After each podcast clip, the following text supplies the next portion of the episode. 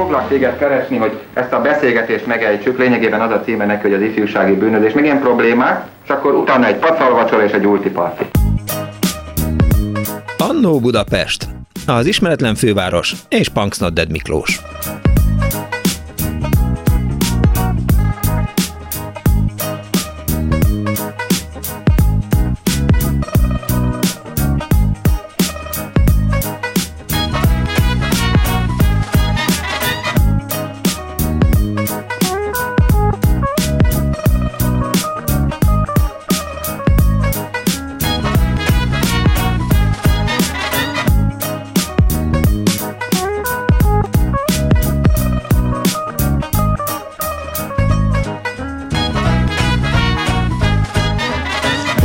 Kedves hallgatók! Ez itt a Klubrádió, benne az önök alázatos narrátora Punks Dead Miklós, az Annó Budapest című műsor jelentkezik pünkösd vasárnap délután, szerintem mindenki kint van a Városligetben, mert nem csak pünkösd vasárnap van, hanem gyereknap is, ráadásul hosszú hétvégen meg jó idő, azt gondolom, hogy hogy szűk, ám annál minőségi társaság lesz az elkövetkezendő két órában itt a Klubrádióban. Mindenki elhúzott egyébként wellnessezni, amit meg is értek. Én is elmentem volna, ha nem kellene műsort készítenem. Ma a cirkuszról fogunk beszélgetni. Az előzetesben lehetett hallani, vidéki gyerekként elmeséltem, hogy, hogy amikor Szentes határában felbukkant egy, nem is, nem hogy felbukkant Szentes határában, mert ugye amikor jöttek a cirkuszok, akkor általában egy héttel korábban már kint voltak ezek a megállító táblák, meg transzparensek, hogy valamilyen cirkusz érkezik Szentesre, itt lesznek majd három napig. És akkor a szentesi gyerekek, azok fogták magukat, kimentek a vásártérre, és várták, hogy megérkezzék a vándorcirkusz, és aztán így segítettünk nekik felállítani a sátrat, tettünk, vettük, néztük az állatokat, meg is ígérték a gyerekeknek, hogy majd beengedik őket, de hát miután édesapám is nagy cirkuszrajongó volt, tehát nem kellett eh, eh, egyért dolgozni, hanem édesapámmal mindig mentünk cirkuszba. Édesapám nagyon szerette a cirkuszt, majd mesélek még róla, hogy milyen volt az, amikor először volt Magyarországon vízicirkusz, és felutaztunk Budapestre, vagy elutaztunk Budapestre, és, és nem kaptunk jegyet, de a történet végét majd később fogom elmesélni önöknek, hogy mennyire jó fej volt akkor a fővárosi nagy cirkusz igazgatója. Szóval 24 06 95 3, 24 07 95 3, arra biztatom önöket, hogy kicsit kezdjék el megpörgetni a Winchester-t, és keressék meg emlékeiket azokról a cirkuszokról, amelyek fontosak voltak az önök számára. Lett legyen az vándor cirkusz valahol vidéken, lehet persze fővárosi cirkuszi előadás, de igazából a régi cirkuszokra szeretnék én itt ma ebben a műsorban emlékezni. 2406953, illetve 2407953 a telefonszámunk, SMS-ben és Viberen is hozzá lehet természetesen szólni a műsorhoz, illetve az Annó Budapest Facebook oldalán is. És a vonal túlsó végén itt van már velünk Kristóf Krisztián artista, Hortbágyi Károly díjas és Guinness rekorder művész zsonglőr, a Recirkel társulat nemzetközi menedzsere. Jó napot kívánok, üdvözlöm! Jó napot kívánok, üdvözlöm a kedves hallgatókat. Azon gondolkodtam, eh, tehát tudom, hogy, hogy nagyon sokadik generációs cirkuszos családból származik, tudom, hogy édesapja, aki egyébként szintén volt a fővárosi nagy cirkusznak igazgatója, ő egy vándor cirkusz kocsiában született, és azon gondolkoztam, miután olvastam vele egy interjút, tudom, hogy, hogy ők mindig ilyen cirkuszos kocsiban laktak, éltek a feleségével. Nyilván ön is oda született. Én is oda születtem, bár én nem bábasszony által a lakókocsiban, uh-huh. hanem már kórházban születtem itt Budapesten, e, viszont a, a kórházból engem is a lakókocsiba vittek vissza. Milyen gyerekkora volt? A, polyá, a polyával igen, a lakókocsiba érkeztem, és, és hát vándoroltunk tovább a a cirkusszal. Milyen volt e, cirkuszos gyereknek születni? Ugye a déd nagyapja e, híres cirkuszos volt, a nagyapja híres cirkuszos volt, az édesapja nagyon híres cirkuszos volt, ön is híres cirkuszos, tehát sok addig generációs ez a mm, cirkusz artista család. Szóval egy kicsit beszéljünk a gyerekkoráról, hogy, hogy milyen volt beleszületni egy cirkuszos családba. Gyönyörű. A cirkusz egy gyermek számára maga a paradicsom, ahol, ahol csodálhatja az emberi képességeknek a, a, a valóság meghazudtoló varázslatát. Itt ugye felnőttem akrobaták, állati domárok, bohócok, zsonglőrök közt, és gyerekként mindig kiszemeltem egy-egy példaképet,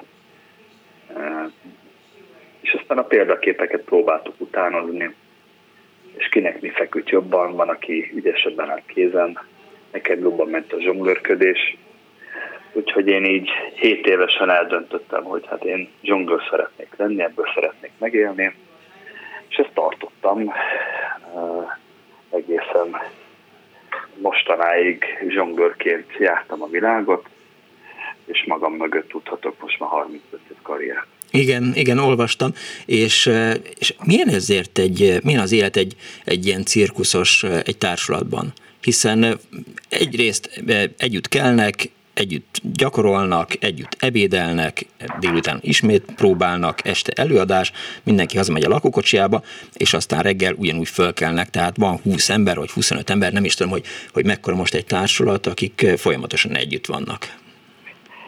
Igen, ez részben igaz, tehát nem mindig kötődünk társulatokhoz, mutatnám azt, hogy mi kvázi mint vállalkozók vagyunk, szabadúszók, akik egy-egy produkciót gyakorolnak be, uh-huh. és ezzel a produkcióval kapnak meghívást különböző cirkuszokban, de nem csak cirkuszban, azért egy a varieté produkciókban, luxushajókra, szállodákba, kaszinókba, tehát azért ennek a, ennek a szakmának több lehetősége is vannak. Természetesen minden a cirkuszból születik, minden a cirkuszból ered. Ezt szeretem én is a, a, a legjobban, szabadúszóként egy-egy szerződéses időszakra vagyunk kvázi egy társulat összezárva, és amikor ugye lejár az a szerződés, lejár a szezon, akkor mindenki megy tovább a saját dolgára. Ja, hogy is ez mindig így volt? Még a vándorcirkuszok korában is? Természetesen. Tehát persze kivétel mondjuk a, a, a tulajdonos, aki ugye cirkuszigazgató, általában ezek nagy családok, akik ugye a műsornak az egyik részét adják, de szerződtetik az olyan, az olyan tehetségeket, az olyan hiányzó produkciókat, amiket így házon belül nem tudnak megoldani. Tehát mi ilyen típusú artisták voltunk, a szüleim akrobaták, ugrodeszka számmal és úgynevezett per számmal egy ilyen akrobata egyensúlyozó számmal dolgoztak 30 éven keresztül. És mi lett volna, ha Isten, hogy ön nem elég tehetséges a cirkuszhoz? Tehát kiderül, hogy át elejti a, tányért, elejti a szivaros dobozt, nem működik, akkor mi lett volna? Hát akkor biztos megyek tovább, és, és keresem a helyem a, a, a nagyvilágban. Nem kötelező ezt csinálni. Nekem egy lányom van, Noellának hívják, ő most 19 éves, gyerekkorában rajongott a cirkusz, mm. légtornász akart lenni, gyakorolt, aztán nem volt elég kitartás benne, vagy nem volt benne talán akkor a, a vágy és a, a szeretet a szakma iránt, inkább tovább tanult, úgyhogy ő most felvételizik egyetemre, és a jogban képzeli a, a jövőjét. Tehát ő nem folytatja a dinasztiának ezt a, ezt a vonalát. Nem bántja ezen? Egy kicsit szomorú vagyok, mert ugye egyszem gyerek, tehát egy, egy, egy, egy gyermekem van, de ezt nem lehet erőltetni. Tehát ezt csak úgy lehet csinálni, hogyha valakiben benne van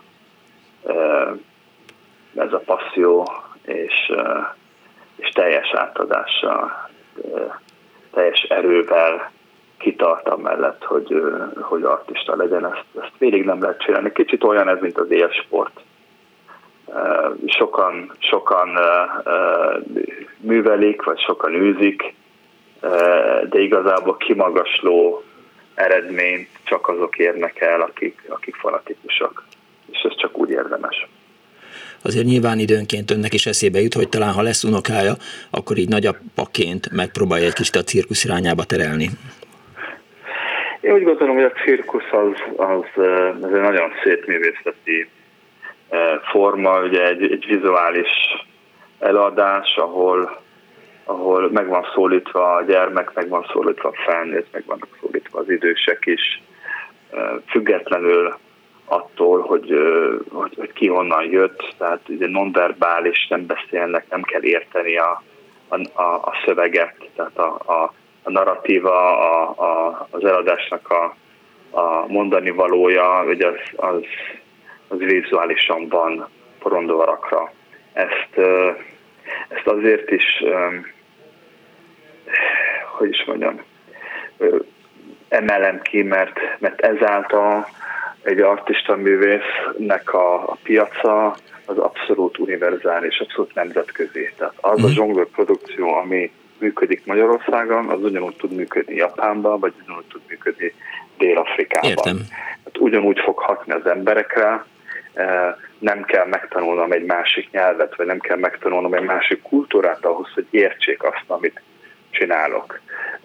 Ezáltal ugyanúgy, aki mondjuk egy helyben van és fogadja a cirkusz eladásokat nézőként, ugye nagyon sok különböző élményben lehet részt, hiszen a cirkusz az érkezhet Dél-Amerikából, és akkor teljesen más energiával jönnek az ottani artisták, és élvezhetem azt a fajta cirkuszt. Úgyhogy nagyon nemzetközi, egy, egy nagyon nyitott világ, és ez így volt, ez így van már évszázadok óta, amióta ugye kitalálták azt, hogy, hogy, hogy egy porondon, egy kör alakú területen hogyan lehet szórakoztatni.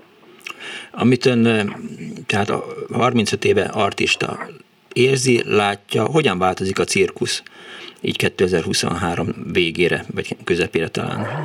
Oh, hát rengeteget változik, tehát a, a, a cirkusznak is van egy evolúciós ciklusa, haladnunk kell a korral, de azért a, a fogyasztók sokkal türelmetlenebbek, ugye megszoktuk azt, hogy manapság ugye az új filmekben is másodpercenként vannak vágások, mhm. fordulnak az események, pörög a világ, a fiatalok a telefont nyomkodják, pörgetik a, a, a, a nem is tudom, a social médiát, tehát egy picit, egy picit felpörgött, felpörgött minden, és ez az információ utáni vágy és, és éjség. Tehát itt a cirkuszi eladások is már inkább sószerűek, és rövidebbek a produkciók, ütősebbek, alá vannak támasztva vizuális effektekkel, de sokkal nagyobb hangsúlyt kap már a fénytechnika, hangtechnika, betítéseket használnak. Hát meg, meg, meg ugye most már nagyon sok formája van maga a találkozásnak is a, a, a nézőkkel, tehát nem feltétlenül most már csak egy ülésből néznék, vagy egy porondon keresztül találkoznak az artistákkal, hanem mondjuk megnyílnak olyan lehetőségek, mint mondjuk az immerzív cirkusz élmény, ahol a néző mondjuk végigmegy egy olyan térben, ahol lát cirkuszi produkciókat, és saját maga fedezi fel a, a, a különböző uh, szereplőknek a, a, a mutatványait. Uh, hogy ugye a bevezetőben mondtam, hogy olyan Guinness recorder artista mitől lett, vagy mi az a produkció, mi az a szám a hallgatóink kedvéért mondjuk el. Én olvasni olvastam, de inkább önmesélje el. Igen, igen. Igen, tehát a régi, a régi iskola szerint um, édesapám, amikor én kitaláltam, hogy zsonglőr szeretnék lenni, azon belül nevezett úriember zsonglőr, aki a, a, a századfordulós úriembereknek a mindennapi eszközeibe, tárgyaival dolgozik, például egy cilinderrel, egy kalappal, vagy egy sétapálcával, vagy mondjuk egy szivardobozzal, akkor azt mondta a fiam, hogy ha, ha, ha tényleg ezt akarod csinálni, akkor legyél ebben a legjobb. Mert akkor fogsz tudni csak igazán jól megélni belőle. És ezt én megfogadtam, tehát a szivardobozos technikát fejlesztettem oda, uh-huh. hogy hogy azzal sikerült úgymond egy olyan nehézségi eh, trükköt csinálni, mi úgy hívjuk az elemeket, vagy a mozdulatokat, a trükkök, egy olyan szintű trükköt, ami, ami a mai napig nem lett megismételve, és ugye nem lett túlszárnyalva sem. Ez abból áll, hogy összeszorítok három szivardobozt, úgyhogy az egyiket az egyik kezemmel fogom, a másikat a másikkal, a középső össze van fogva. Ezt a három szivardobozt ezt feldobom a levegőbe, és mielőtt visszaérkezne, a saját tengem körül forgok úgynevezett piruetteket, oh.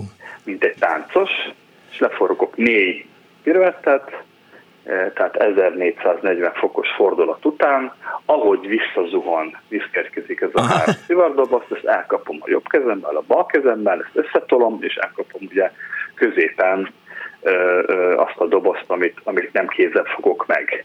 Tulajdonképpen három szivardoboz feldobása alatt, négy mm. fordulat, és ezt elkapni, mielőtt ez földet érne. Várjon, akkor ön vagy nagyon magasra tudja dobni, vagy iszonyatosan gyorsan tud pörögni.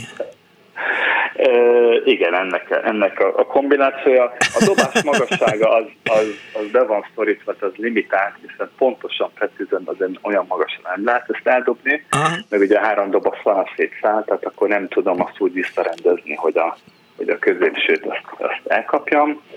Uh, igazság szerint egy, egy kvázi egy olyan, egy olyan négy és fél méter dobás és, hm. és elkapás közti időben kell tudni leforogni a vannak a, artisták, igen, akik megpróbál... Igen, ja, bocsánat, igen, igen, igen, igen, hogy ne, hát sok, nagyon sok zsonglőr van, a zsonglőr az, az némileg egy ilyen reflexfejlesztő sport is, tehát nagyon kimutatták tudósok is, hogy nagyon jót tesz bizonyos agy, agyzónáknak a fejlesztéséhez, tehát Skandináviában mondjuk az iskolai tanterv része, hm. Nyugat-Európában nagyon, nagyon sok zsonglőrklub van, nálunk is van, nálunk ugye kevesebben művelik így sportszerűen, Amerikában is nagyon népszerű, tehát több, több, több százezer fiatal, vagy most nem annyira fiatal, mint én, űzi a zsonglőrködést hobbi szinten, és hát ugye, mint általában minden hobbi, az, az egy idő után ugye megtalálja azokat, a, azokat az embereket, akik ezt még magasabb szintre akarják tolni, és ugye hmm. úgymond ilyen, ilyen uh, uh, líderek, vagy ilyen mondjuk versenyzők születnek, akik, akik a mércét igyekeznek mindig egy kicsit feljebb tolni, és ezáltal húzzák maguk után ugye ezt a, ezt a társaságot. Azért azt irigylem magától, hogyha mit tudom én, valaki lever egy poharat a, a konyhában, akkor ön biztos elkapja, mire mielőtt az eltörne a, padlón.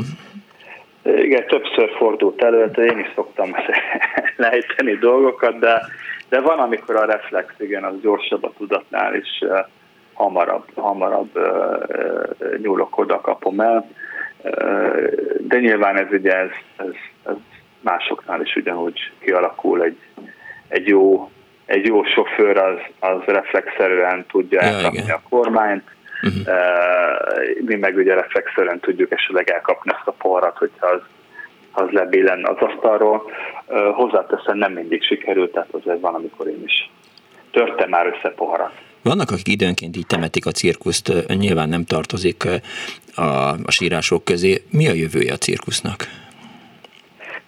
A cirkusznak most reneszánsza van. Tehát én a, én a, én a temetést uh, nagyon megcáfolom. A, a cirkusznak uh, egy, uh, egy óriási nagy újravirágzása van uh-huh. a színházi világban, a filmvilágban én nem oly rég forgathattam egy filmet Tim Burton rendezésével. Ez igen. A, igen, a, a Dumbo ö, ö, című filmet, ugye a Disney ö, stúdió által, és ott, ö, ott mint ö, cirkuszi koreográfus dolgoztam, vagy, vagy működtem közre, abszolút azért nyúltak hozzá, mert, mert van, van érdeklődés ugye a, a, a cirkusznak a varázslatához. Ugye ez a maga teljesen a hagyományos szemszögből közelítettük meg, hiszen ugye egy, egy századfordulós történetet filmesítettek meg újra. Közben meg, meg a, a cirkusznak rengeteg új irányvonala születik meg. Rock cirkusz, ahol, ahol, uh, ahol mondjuk a zenén van a hangsúly, az élőzenekaron, egy horror cirkusz, ahol mondjuk egy, egy, egyfajta néha paródiával, néha tényleg ilyen vizuális félelmetes effektekkel uh, hangsúlyozzák a, a produkciókat. van vízi cirkusz, amit ugye említett a, a, a felkonfban. Ott, ott, mondjuk, ott mondjuk a víznek van egy, egy szerepe, és azt, azt próbálják meg kihasználni. Vagy jégcirkusz, ahol ugye korcsolyáznak is úgy. Tehát, hogy nagyon-nagyon-nagyon sok irányzata van, és itt kiemelném a, a maga kortárs művészetek is hozzányúlnak egyre bátrabban a, a cirkuszhoz, mint, mint eszközparkhoz, és mondjuk a cég, ahol dolgozom, ugye a Reszéker Társulat, ők, ők, ők a táncot és a, a cirkuszt vegyítik úgy, hogy az, az egyé formálódik. És nyilván teljesen más csomagolásban újra tud születni ez a művészeti ág, és én hiszem, hogy még nagyon sokáig fog élni.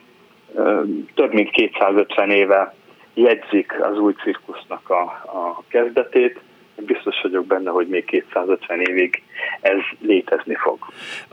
Tudom, hogy a társulatának vannak ukrán tagjai, ukrán artisták.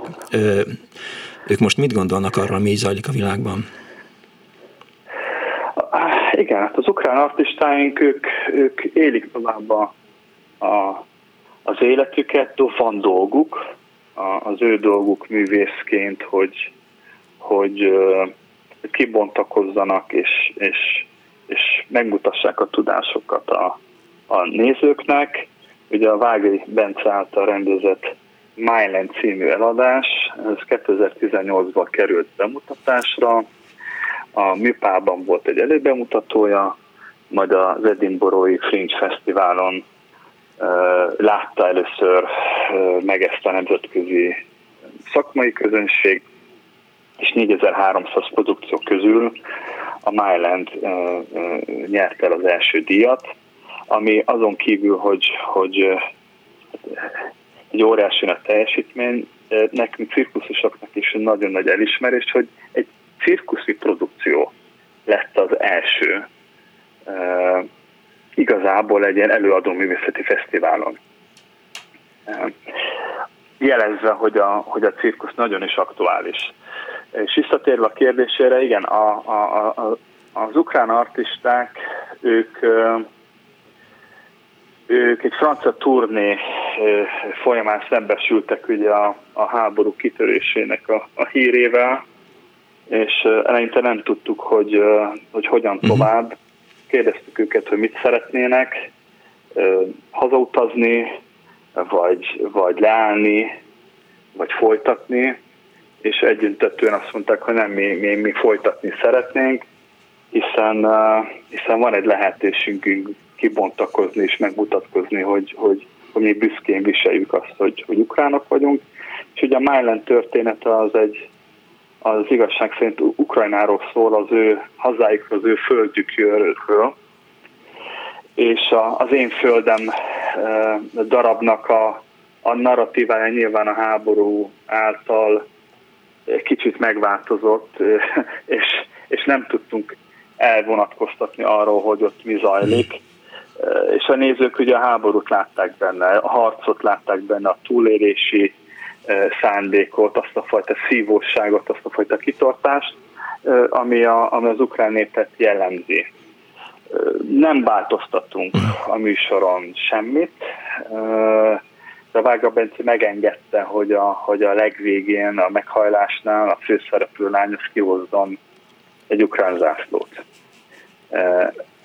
Ez nagyon megható volt, és azt érezhették az artisták, hogy igenis valamit teszünk azzal, hogy mi kilépünk a színpadra, mi mesélünk Ukrajnáról, mi mesélünk arról, hogy mi miért szeretjük a, a földünket, az országunkat, és, és ezt lássa a világ, hogy mi büszkék vagyunk, hogy, hogy ukránok vagyunk.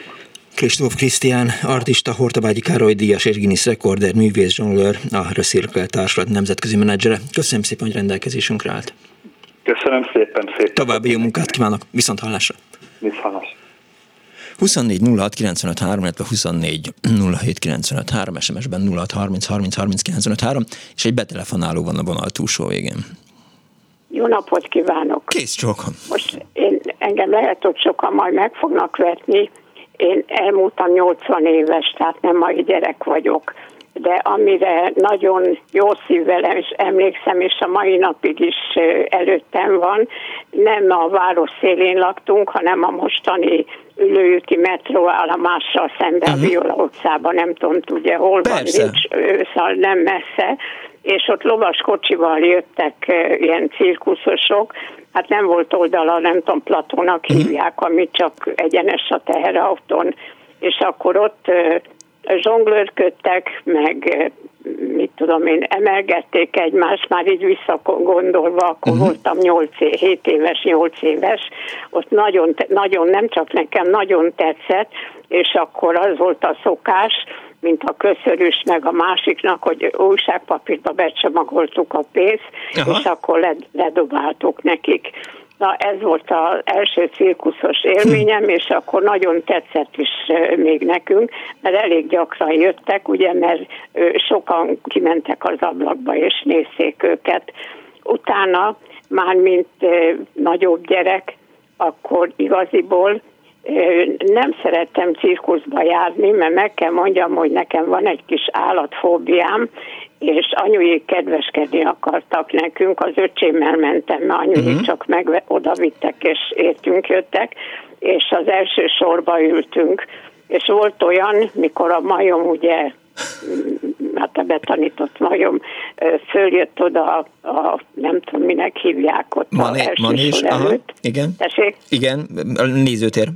Igen, és akkor ott szaladgált, az elefánt meg az ormányát nyújtotta oda, és akkor anyunak mondtam, hogy már ha veszek jegyet, akkor egyrészt én nem is szeretem, bocsánat, hogy ezt mondom, de akkor valahova hátré, hátrébb vegyenek jegyet. És utána elég sokáig nem mentünk cirkuszba, de mivel unokáim születtek, ugye, hát nyilván az unokáknak meg is kell a cirkusz mutatni, meg ők élvezték. Na most meg kell mondjam, hogy körülbelül 15 éve nem szégyen ide, szégyen oda, de ez az igazság. 15 éve nem voltam cirkuszba, mert az unokáim 22-24 évesek, tehát velük voltam. Ja. De ami tetszett nagyon a cirkuszba, a fények, a megvilágítások, Hát ugye, ha nem, hogy összehasonlítom a, most nem a lovaskocsis cirkusszal, hanem amikor a, én a cirkuszba jártam, az egy teljesen más világ volt, tehát gyönyörű volt a, a megvilágítás. Most ami miatt nekem a cirkuszról is egy kis, hát nem tudok jó szót találni, én féltem, mikor az artisták fönn voltak a levegőbe, féltem, hogy leesnek. Akkor féltem ugye az állatoktól, és akkor megkértem anyuékat, hogy nekem ne vegyenek jegyet, de mikor unokáim voltak, hát tudja, ma nem tudom, maga tudja el, még maga fiatal, nem hiszem, hogy van unokája, hogy az unokáért sok mindent megcsinálnak a nagyszülők. Há, hogyne, Akkor persze. jártam cirkuszba. Aha, igen. De hát azt hallom azért, meg olvasom, hogy teljesen más ez a világ, meg ahogy az unokáim mondják, hogy nagy más világ van, de akkor a cirkusz, nekem az maradt a legmaradandóbb, mikor a lovaskocsival jöttek, uh-huh. és hát egy primitív valami volt, hogyha a mai szemmel visszagondolok rá, de nekünk akkor az olyan nagy újság volt, és olyan nagy szenzáció, hogy akkor ott mindenki az ablakba volt, és nézte az idézőjelbe cirkuszosokat. Köszönöm szépen, hogy elmesélte ezt. Ennyit szerettem volna. Nagyon kedves. Köszönöm. Jó egészséget, kész sokan, viszont hallásra. Majd mindjárt átküldök Daninak egy, egy videót, a TikTokon ment, vagy, a, vagy az Instagramon, egy csávó Budapesten azt csinálja, hogy keresztül szalad az úton, átugrik egy aluljárón, aztán csinál szaltót a másik aluljáró fölött, és aztán a földre érkezik. Teljesen hihetetlen. Csak az jutott eszembe, amikor beszélgettem itt Kristóf Krisztiánnal, hogy ugye, neki ott van a Guinness rekorder szivaras doboz száma, hogy nyilván nagyon sok fiatal így a TikTokon így próbálkozik, hogy ezt, ezt így megismételje, vagy megpróbálja megdönteni ezt a Guinness rekordot. Azt írja az egyik eh, kedves hallgató, Ági, eh, basszus, sosem tudok vasárnap délután aludni, mert mindig jó témái vannak. Én mozi előtt még láttam artista műsort, és egyszer a mi házunkban szállt meg nagy izgalom volt az egész házban, mert mindenki szerelmes volt belé, de találkozni is szerettünk volna vele, igazi szabaduló művész volt, mert nem sikerült, pedig felváltva figyeltük a lakást, ez szexárdon volt a 60-as években, Csóka stábnak írta Ági a Kárpát utcából, és egy betelefonáló van a vonal túlsó végén. Jó napot kívánok! Halló! Kész csak, jó napot kívánok! Halló. Jó napot, haló! Jó napot kívánok! Én Ilona vagyok. Jó napot, Ilona! Kicsit nehezen hallom, ön pedig az előbb még jól hallottam, nem tudom mi miatt néha szakadozik a vonal, de nem tudom, hogy hall engem. De Nagyon tökéletesen hallom önt. Köszönöm szépen. Én is már idősebb vagyok, 68 éves, és egy kis rövid történet a gyerekkori élményből. Nem is tudom, hány éves lehettem, Mhm. de talán ilyen óvodás vagy első osztályos, amikor én vidéken, természetesen Békés megyébe, egy kis faluba mindig megjöttek a cirkuszosok. És ugye a gyerekek mi ezt mindig észrevettük és figyeltük, és egyik este, ahogy megérkeztek, hárman, négyen gyerekek összefogtunk, és nem messze laktunk a cirkuszi sátortól, ahol a téren felállították a sátrat, és elszöktünk otthonról, és bebújtunk a sátorba alul valahogy. Uh-huh. Képzelj el, a szüleinknek kerestek bennünket, és hát persze gondolták, hogy elmentünk, és jöttek értünk a cirkuszba, úgyhogy megtaláltak a sátor alatt, Hihetetlen. hazavittek bennünket, és hát Ja. természetesen következő este akkor jegyet vettek a szüleink, azt hiszem apukám vitt Mhm. mindig bennünket a cirkuszba el, és nagyon szeretettel néztük mi is. Nagyon nem emlékszem csak a bohóc Igen. műsorára, aztán hát ugye nekem is született unokám, de én nagyon szeretem a cirkusz mai napig, mi tavaly voltunk utoljára a vízi cirkuszt néztük meg, és nagyon szerettem az ötvös cirkuszt.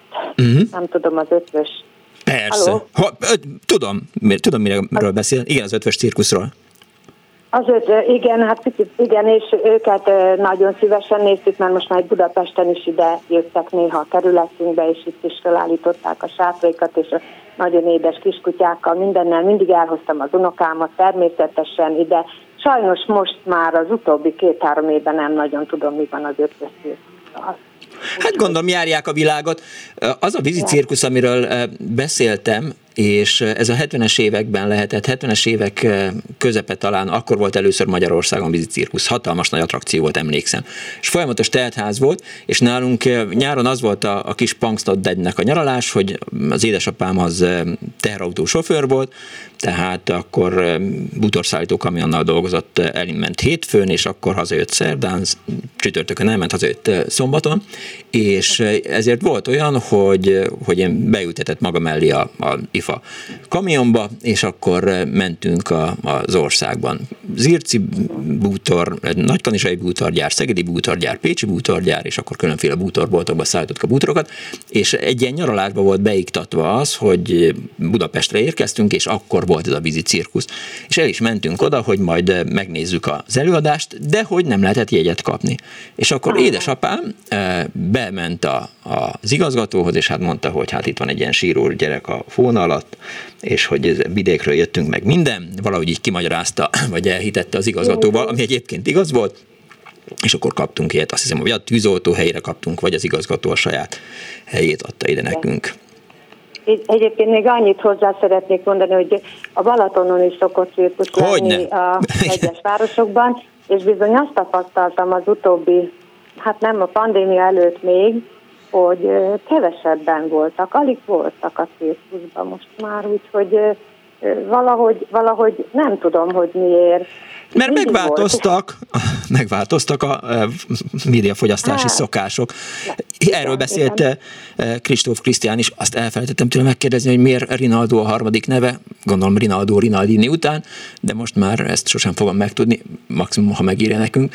És eh, hát, hogy most már máshol, tengerjáró hajókon, varietékben, Igen, itt-ottam ott eh, Igen. jelennek meg ezek a, ezek a produkciók, ezek a artista számok. Nagyon Szerintem. szépen köszönöm, Miklós úr. Köszönöm, minden jót kívánok, és hallgatom tovább. Kész sokan. Viszont hallásra, Ilonka. Viszont hallásra. 24 06 95 3, illetve 24 07 95 3, illetve 06 30 30 30 95 3, és eh, egy hallgató van a vonalban, aztán majd még mesélek. Haló? Hm. Halló, szervusz, Tóth Gábor. Hello, Gábor. Most nem saját történettel jönnék. Ha Próbáltam a barátomat elérni, akivel ezek a dolgok megtörténtek, de sajnos nem vette fel a telefont, mondjuk a szerencsétekre, mert hogyha felvette volna, akkor négy óráig kitölti a, a műsoridőt. Aha.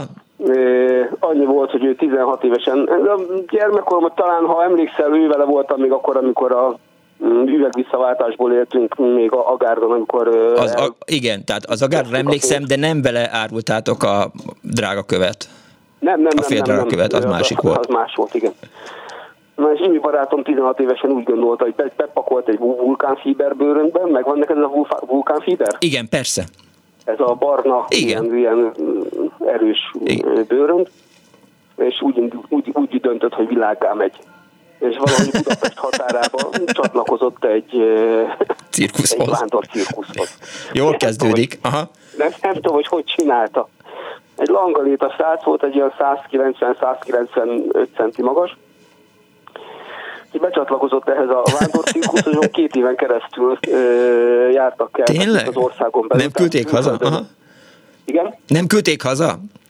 Nem, nem, mert, mert egy rettenül ügyes srác volt, mesélt, tehát ezek szerint, hogyha te állítottál cirkuszi sátrat, ő azt mondta, hogy a manézsnak a, a, a fő árbócát ö, fölállítani, az valami olyan irgalmatlan munka volt, hogy az, az ember nem tudja elképzelni, hogy azt... azt Sok azt, emberes. fölhúzták A... Sok emberes. Sok emberes, sok emberes. Meg magát a cirkuszi sátort is felhúzni, hát az is iszonyatosan nehéz. Isz, iszony, iszonyú munka volt. Mondta, hogy ők, ők két kupulás sátorral voltak, ami az egy elég nagy sátor Mhm, volt már, mert igen. egy, kettő, meg a négy kupulás Aha. talán azt hiszem, hogy valahogy így vannak ezek a méretek. És aztán ő volt a jegyszedőtől kezdve porondmester, meg, meg minden. És mesélte, hogy neki abból volt plusz pénze annak idején, hogy ott ugye ezek a vándorcirkuszok régebben állatokkal, és most én azt gondolom most már nagyon az állatvédelmi törvény miatt túl sok állattal nem, nem mennek körbe a vándorcirkuszok, tehát abban az időben Igen. medve. Hát én az első kerek, kerékpározó medvét itt a 15. kerületben, a 70-es években láttam, még új palota se volt, Aha. és az új palota ö, részén nagyjából szerintem ott, ahol a Pólus Center lehet most talán, Uh-huh. ott állították fel a sátrat, és az első kerékpározó medvét én ott láttam, ilyen 7-8-10 éves koromban. El is kerekedett a szemem, hogy, hogy ilyen létezik. De én azt hiszem, hogy most már azért ilyen állatos magáncirkuszok vagy nagyon ritka, vagy, vagy, vagy már nem nagyon létezhet.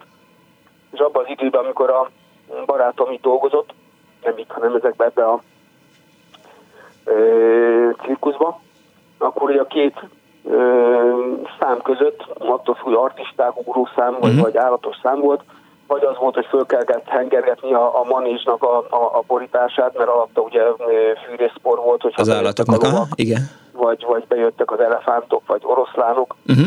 Ö, és azért kapott plusz 250 forintot alkalmanként, hogy ő, ahogy hengergette a szűnyeget vagy oda, vagy vissza, akkor egy törpe bohóc mögé állt egy sámira, és akkor fenéken rúgta, hogy neki hasra kellett esni. Tehát igen. És mondjuk ezt egy este megcsinálta 5-6-szor, az alkalmanként 200, de ez valahogy a 80-as években volt, tehát az nem volt kis pénz. Uh-huh. Alkalmanként ezért, hogy doppergések között ö, Sándiról fenékbe rúgták mi barátomat. Ez így irgalmatlan jó pénzeket kasszált. Gratulálok hozzá. Hogy- és, és mesélte, hogy hát néha-néha úgy, úgy a pusztán találkoztak ö, vándor ö, csoportokkal. Hát, Konkurencia. Talán lehet mondani ván- vándorcigányokkal, tehát abban az időben még azért voltak ö, vándorcigányok is a, az út mellett Magyarországon, akik ugye akár kosárfonás, teknővájást, tehát ilyesmikkel még foglalkoztak, vagy, vagy, vagy foltozás, tehát még azért a 80-as évek elején azért még ez, ez létezett. És volt, amikor meghívták őt ugye a körükbe, hogy, hogy a, őt, őt is, meg a, a, a, a cirkuszosokat is, és azt mondja, egyszer vagy kétszer, hát aztán most ez vagy, vagy legenda, és akkor városi legenda szintjén marad, mondta, hogy egyszer-kétszer megmondták neki, hogy amikor már elfogyasztott, hogy egy vagy disznó volt, vagy, vagy ürge. Tehát, nem. hogy ő a saját bevallása szerint evet sünt. Tehát nem tudom, hogy Egyáltalán nem kizárt Kelényi Krisztián Tódor barátom, aki ugye a Napnap Fesztiválnak a szervezője volt, és a, a 90-es évek elején aztán aztán meghalt, mert öngyilkos lett, ő is forgatott ilyen filmet, amikor azt hiszem Ürgéből vagy Vakontból készítettek tehát valahol vidéken, egy kis faluban futott bele, tehát ez... És, és ő azt mondta, hogy ő nem tudja, mert nem tudta megkülönböztetni, de amikor a végén megkérdezte, hogy ez, ez milyen étel volt, akkor mondták neki a... Előfordul. volt csak ilyen barátság alakult ki a, a vándorok között, tehát a cirkuszos meg a, a vándor cigányok, ha egymás mellett táboroztak, akkor volt, volt ilyen ö, kommunikáció, és akkor így. Aztán most ez ennyit szerettem volna mondani, mondom, ő el tudná, négy óráig el tudna mesélni, de nekem ennyi maradt meg ez a 250 forintos fenítbarugás. Jó van, Gábor, köszönöm szépen. Viszont hallás a szervusz. Azt írja a hallgató, hogy kis falvakban, ahol annak idején maximum két-három televízió volt, a Vándor Cirkusz olyan varázslat volt, amit elhittünk, és nem a trükköket akartuk megfejteni. Belépődíjnak elfogadtak tojást, szalonnát, tyúkot, a cirkuszos gyerekek arra két-három napra beültek hozzánk az iskolába. Nagyon irigyeltük őket, a házi feladatot már a következő faluban mutatták be, írta eh, Miklós. Köszönöm szépen. Kisvárosban is hatalmas nagy dolog volt a cirkusz. Hát, eh, és még emlékszem, hogy ugye ott is sorba kellett állni, jegyet kellett venni, az ember mindig megvásárolta a műsorfüzetet, ami természetesen egy hülyeség volt, mert mi volt a műsorfüzetben, benne volt az artista, a oroszlán idomító, meg a légtornász, meg a bohóc, de hát azért biztos, ami biztos megvette az ember a műsorfizetet. Ez például most, hogy így beszélgettünk Gáborral, jutott eszembe az emlékek között, amikor arról beszélt, hogy hogyan tudod még plusz pénzt szerezni. Arra gondoltam, hogy talán, hogyha programen heftével próbálkozott volna a barátja, akkor az is ment volna. Na, aztán azt írja a hallgató, ezt majd elolvasom, mert viccet ír, azt nem futok neki vakon, mert aztán lehet, hogy hülyeség lesz a vége. Azt írja egy másik hallgató, Zsuzsanna, hogy szép napot kívánok, amit az első betelefonáló hölgy elmondott, én nem tudnám én röviden leírni, de ugyanazt éreztem gyerekkoromban, mint ő, annyit tudnék csak hozzátenni, hogy az állatokat nagyon sajnáltam. Nekem ez például gyerekkoromban nem jutott valahogy eszembe, és ebben a vízi cirkuszban, amit már így próbáltam önöknek mesélni, abban biztos, hogy nagy szám volt az, hogy, hogy krokodilokat is eh, behoztak. Ugye megtöltötték eh, vízzel a manést, nyilván a szünetben, eh, és rengeteg vizet öntöttek bele, és akkor mindenféle ilyen produkciók voltak, és emlékszem, hogy krokodil, krokodilos szám is volt itt a fővárosi nagy cirkuszban a 70-es évek közepén, és egy betelefonáló van vonal túlsó igen, 24 06 95 3, 24 07 95 3, ezt azok kedvéért mondom el, akik most kapcsolódnak be az Annó Budapest műsorába. Cirkuszokról beszélgetünk, régi cirkuszi előadásokról, produkciókról, emlékekről szól ma az Annó Budapest, tehát van a telefonszám, illetve van SMS-ben, illetve Viberen 06 30 30 30 95 3, és az Annó Budapest Facebook oldalán is természetesen hozzá lehet szólni. Nagyon sok cikket szedett össze nekem Kardos Józsi, mint mindig, Szilágyi György, aki nagyon sokat foglalkozott eh, szín, eh, cirkusz kultúrával, könyvet is írt róla, neki is nagyon sok cikke van itt például a eh, Beketov család történetéről is, ha majd elfogynak a hallgatók, akkor, vagy elfogy a zene, vagy elfogynak a szavak, akkor majd lehet, hogy keresek valahol. Halló, napot kívánok! Halló, szervusz Miklós, tegeződjünk, jó? Olá Mária vagyok, a vakvezető kutyás cseperről. Hello, szia, igen, persze, szia, ja, szia. De különben én is a nagydumás vagyok, mint a Megi, tudod egyébként, igen. mert Tatabányáról származunk, és időnként szoktam hallani a Megit is, de, de igyekszem majd lehetőleg amennyire lehet rövidre fogni.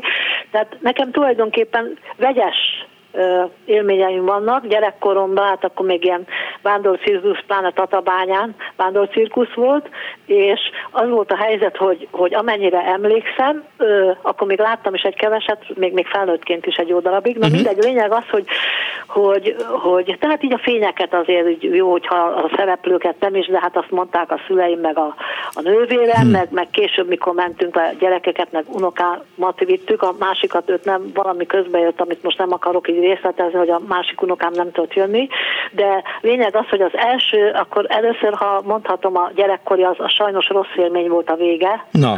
Ott, ott elkezdett szakadni az eső, és valahogy előbb is lett vége, és akkor szóval tömegnyomor, azt tudom, hogy nagyon izgultam, hát biztos a szüleim is, hogy minél hamarabb kiússunk a tömegből, de ott egy nő a férfit fejbe vágta ernyővel, mert ezt közvetítették körülöttem.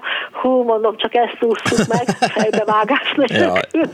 Lényeg az, hogy szerencsésen kijutottunk, tehát ez volt a rossz élmény. Aztán a jó élmények azt, hogy tehát nekem mindig mondták, mert ugye a gyerekekkel, unokáimmal, és hogy, hogy szóval többször mentünk így, és, és nekem maga a cirkusz hangulata, az, hogy például egyik alkalommal kubai zenekar jött, és amilyen jó zenét játszottak, de többször volt az, hogy és élő zenekar, szóval az valahogy amúgy is ilyen zenebolond vagyok, hogy másképp nem mondjam, mert még kapok a pofámra, úgyhogy ö, tehát, tehát ezek nagyon-nagyon jó élmények, meg, meg például az, hogy akkor még láttam annyit korábban, hogy akik így fönn voltak, ugye, a, hogy hívják ott fönt a, a légtornák. Igen, légtornák. Na, szóval, szóval annyit láttam belül, mert ugye akkor körülöttek úgy, úgy el volt sötétítve a rész, és, és ők úgy valahogy kivilágítva, és akkor, akkor azt úgy láttam, hogy ott, ott fönt hogy mozognak, és drukkoltam, hogy jaj, csak le ne essenek, úgyhogy, de szerencsére nem. Meg aztán meg hát az ötvös Gábor Gábor Bóca, van másik, és hogy mindig Klasszikus, van jó kis zenét bejátszott, szóval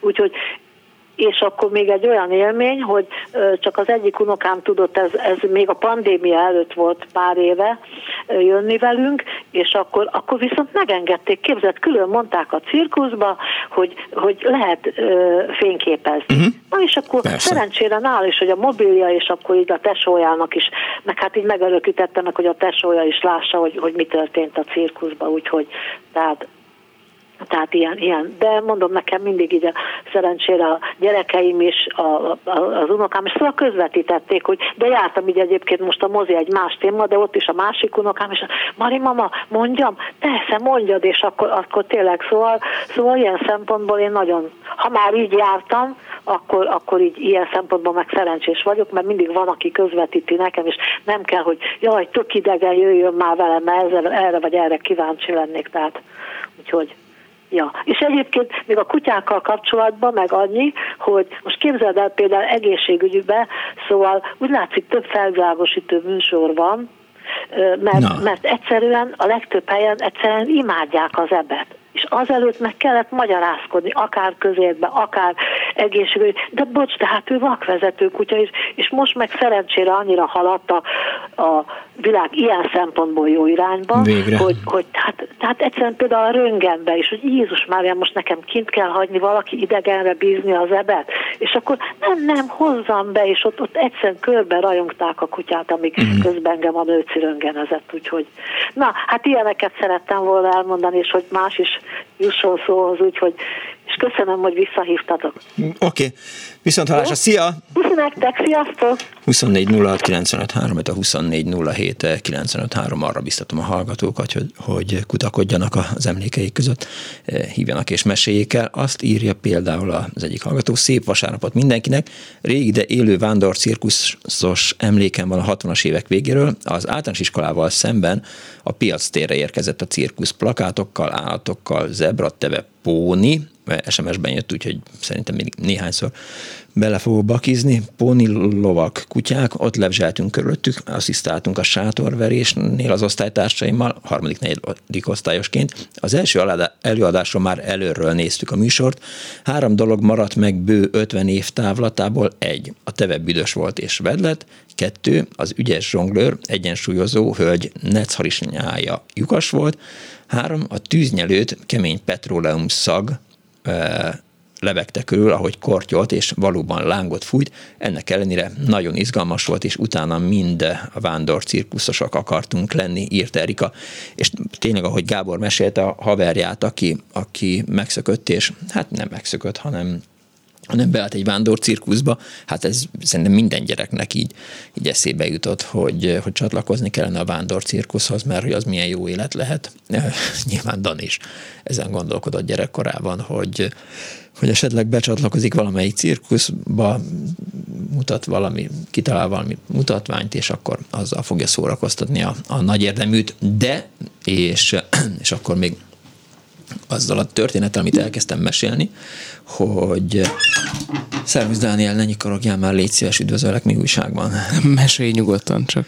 Bejöttem, hogy közelebbről az, az, az volt, hogy osztálykirándulás volt. Nyilván ilyen május volt, vagy, vagy április-május, jó idő volt már. És már tére mentünk kirándulni az osztályjal, nem csak az osztályjal, hanem az egész iskola. Nem tudom, hogy miért mentünk Mártéra, de általában ez volt az egyik úti cél a Szentesi Deák Ferenc utcai általános iskolából. És, és aztán ott, mit tudom én, játszottunk, számháborúztunk, főztünk, ettünk, ittunk, lehet, hogy fürödtünk is, vagy Márti strand volt, vagy, vagy Tiszapart, és aztán azt láttuk, hogy a gátoldalban ott áll egy cirkuszi sátor, és ott áll mellette egy teve. És hát teljesen transzba esett az egész társaság, hú, itt van egy cirkusz, hogy lehetne ezt megnézni.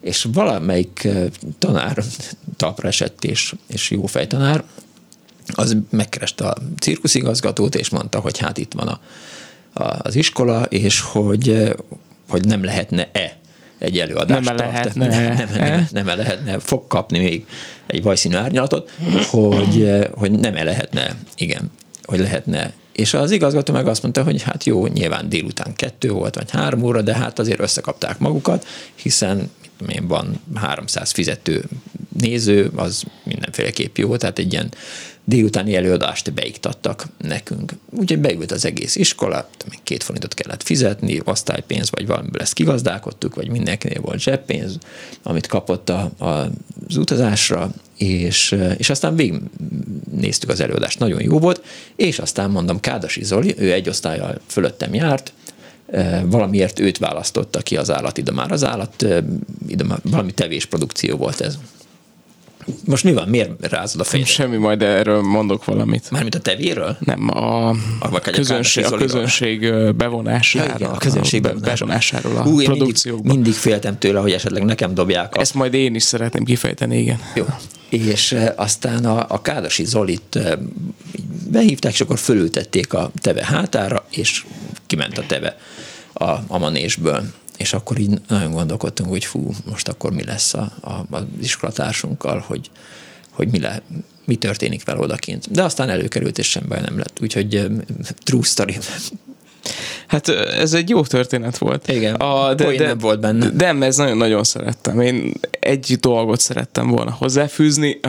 Én kapásból egyetértek a, a kettővel ezelőtti hallgatóval, hogy nem igazán kedvelem a, a cirkuszt, bár sok előadást láttam gyerekkoromban.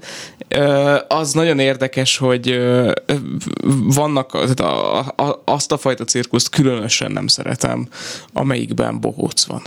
Minden cirkuszban van bohóc. Én nem Anélkül tudom, nem hogy, hogy már mint a, van a bohócoknak egy olyan kategóriája, amit kifejezetten nem kedvelek, az a, oda megy hozzád és mutogat, és arra neked reagálnod kell valamit. És én annyira, nem tudom, ilyen, hát lehet, hogy ez az introvertáltságommal függ össze, hogy így, ha, ha valami, valahova beülök, akkor engem így hagyjanak békén. Tehát, hogy nagyon nem szeretnék szociális interakcióba kerülni, és nagyon érdekes az, hogy, hogy ez, ezt pont Vivvel beszéltük, aki ugye az SFE-re jár, hogy, hogy az improvizációs színház is ugye erre épül, hogy hát vonjuk be a közönséget, és akkor majd ő tesz hozzá valamit. Nekem ne, ettől nem, nem, a, a borsózik a hátam. No. Biztos, hogy nem. Tehát, hogy, hogy az improvizációs színházban engem valaki megszólítana, hogy akkor mondjál valamit, Már, vagy csinálj mondod, valamit. Most, akkor hogy annyi... meséled, ömlik a tenyerben ugye, a víz. Ugye? Igen, Tehát, hogy, és, és ott néz engem 300 ember, és úristen, mit kell csinálnom, én engem ezért nem is fizetnek, a végén meg fognak tapsolni, ami hogyha lehet még borzasztóbb az egészbe. Tehát, hogyha valamit csinálnom kellene, akkor az a biztos, hogy az, hogy kimegyek.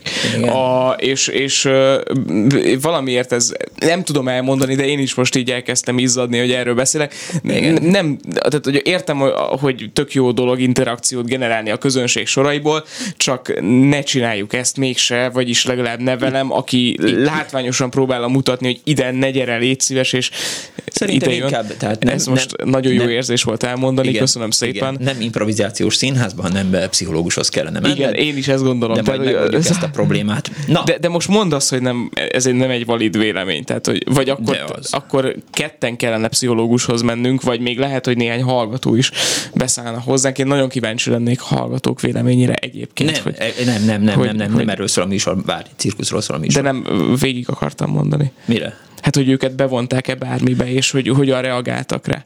Igen, hogy rúgta őket fenékbe a bohóc például, 250 forintért. Például.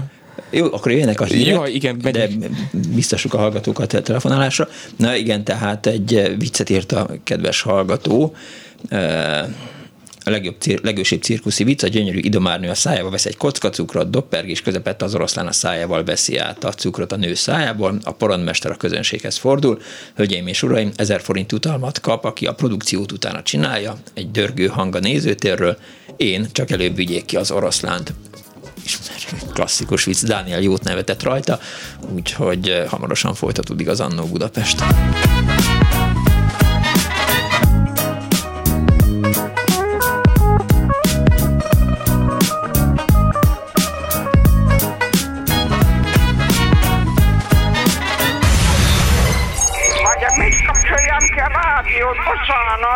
Igen, jaj, igen, igen. Elnézést.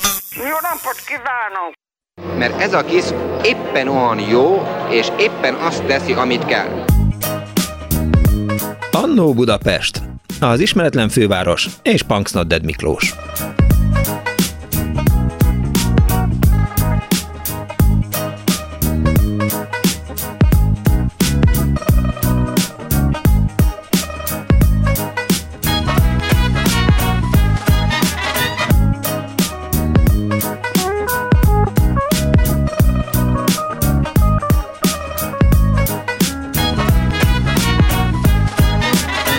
Napot kívánok a most ébredő kedves hallgatóknak! Ez a Klubrádió, benne az Annó Budapest az önök alázatos narrátorával. Az egyik hallgató arra hívta fel a figyelmet, hogy ne keverjem a manés szót a poront szóval.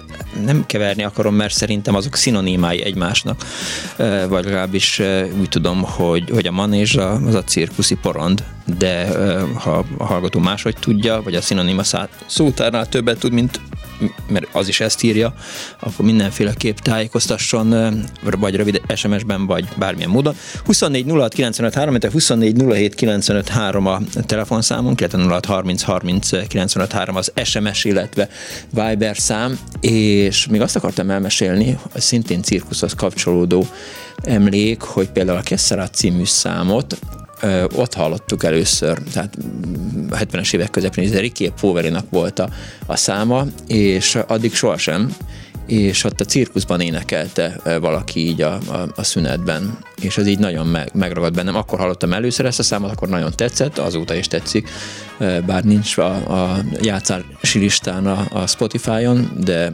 szintén a cirkuszhoz kapcsolódik. Amiből ki is derül a most ébredő hallgatók számára, hogy cirkuszról szól ma az Annó Budapest régi emlékeket próbálunk előhalászni, vándor cirkuszokról, előadásokról, bohócokról, illetve állatidomárokról, és egy betelefonálóban a vonal túlsó végén. Napot kívánok!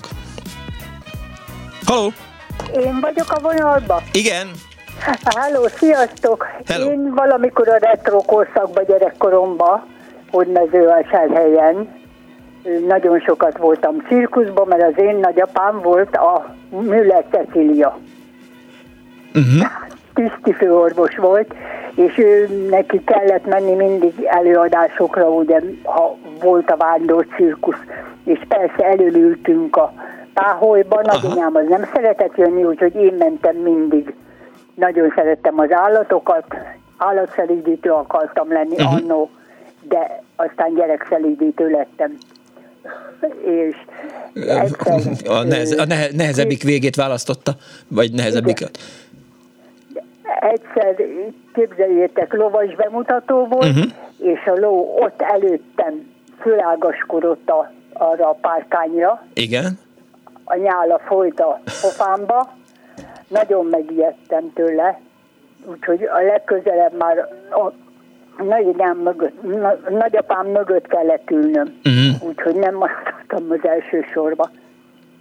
Én az állatokat szerettem nagyon, oroszlánokat, meg ilyesmit, és volt módomba megfogni egy olyan 8-10 kilós oroszlánkölyköt. Ja, kis oroszlánkölyköt? Uh-huh. Igen.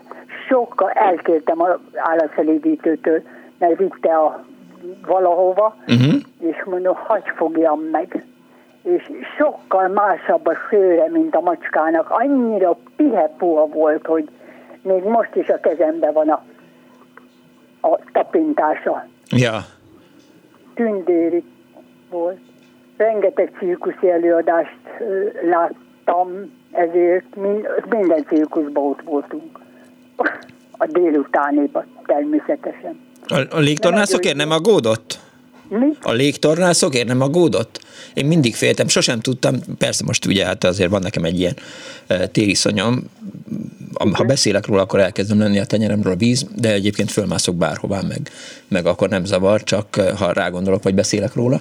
És, és én sosem tudtam, hogy, hogy azok a számok, amikor így leesik a, a légtornásznő a háló közepébe, hogy az megtervezett, vagy ezzel próbálták egy kicsit a feszültséget növelni, hogy ú, leesett most másodjára vagy harmadjára hát, sikerülni fogja neki. Ezt sosem lehetett tudni, de minden esetre jó, és akkor nagyon féltem. Tessék Igen. már, tör, törlöm is a tenyerem hát, drágomba.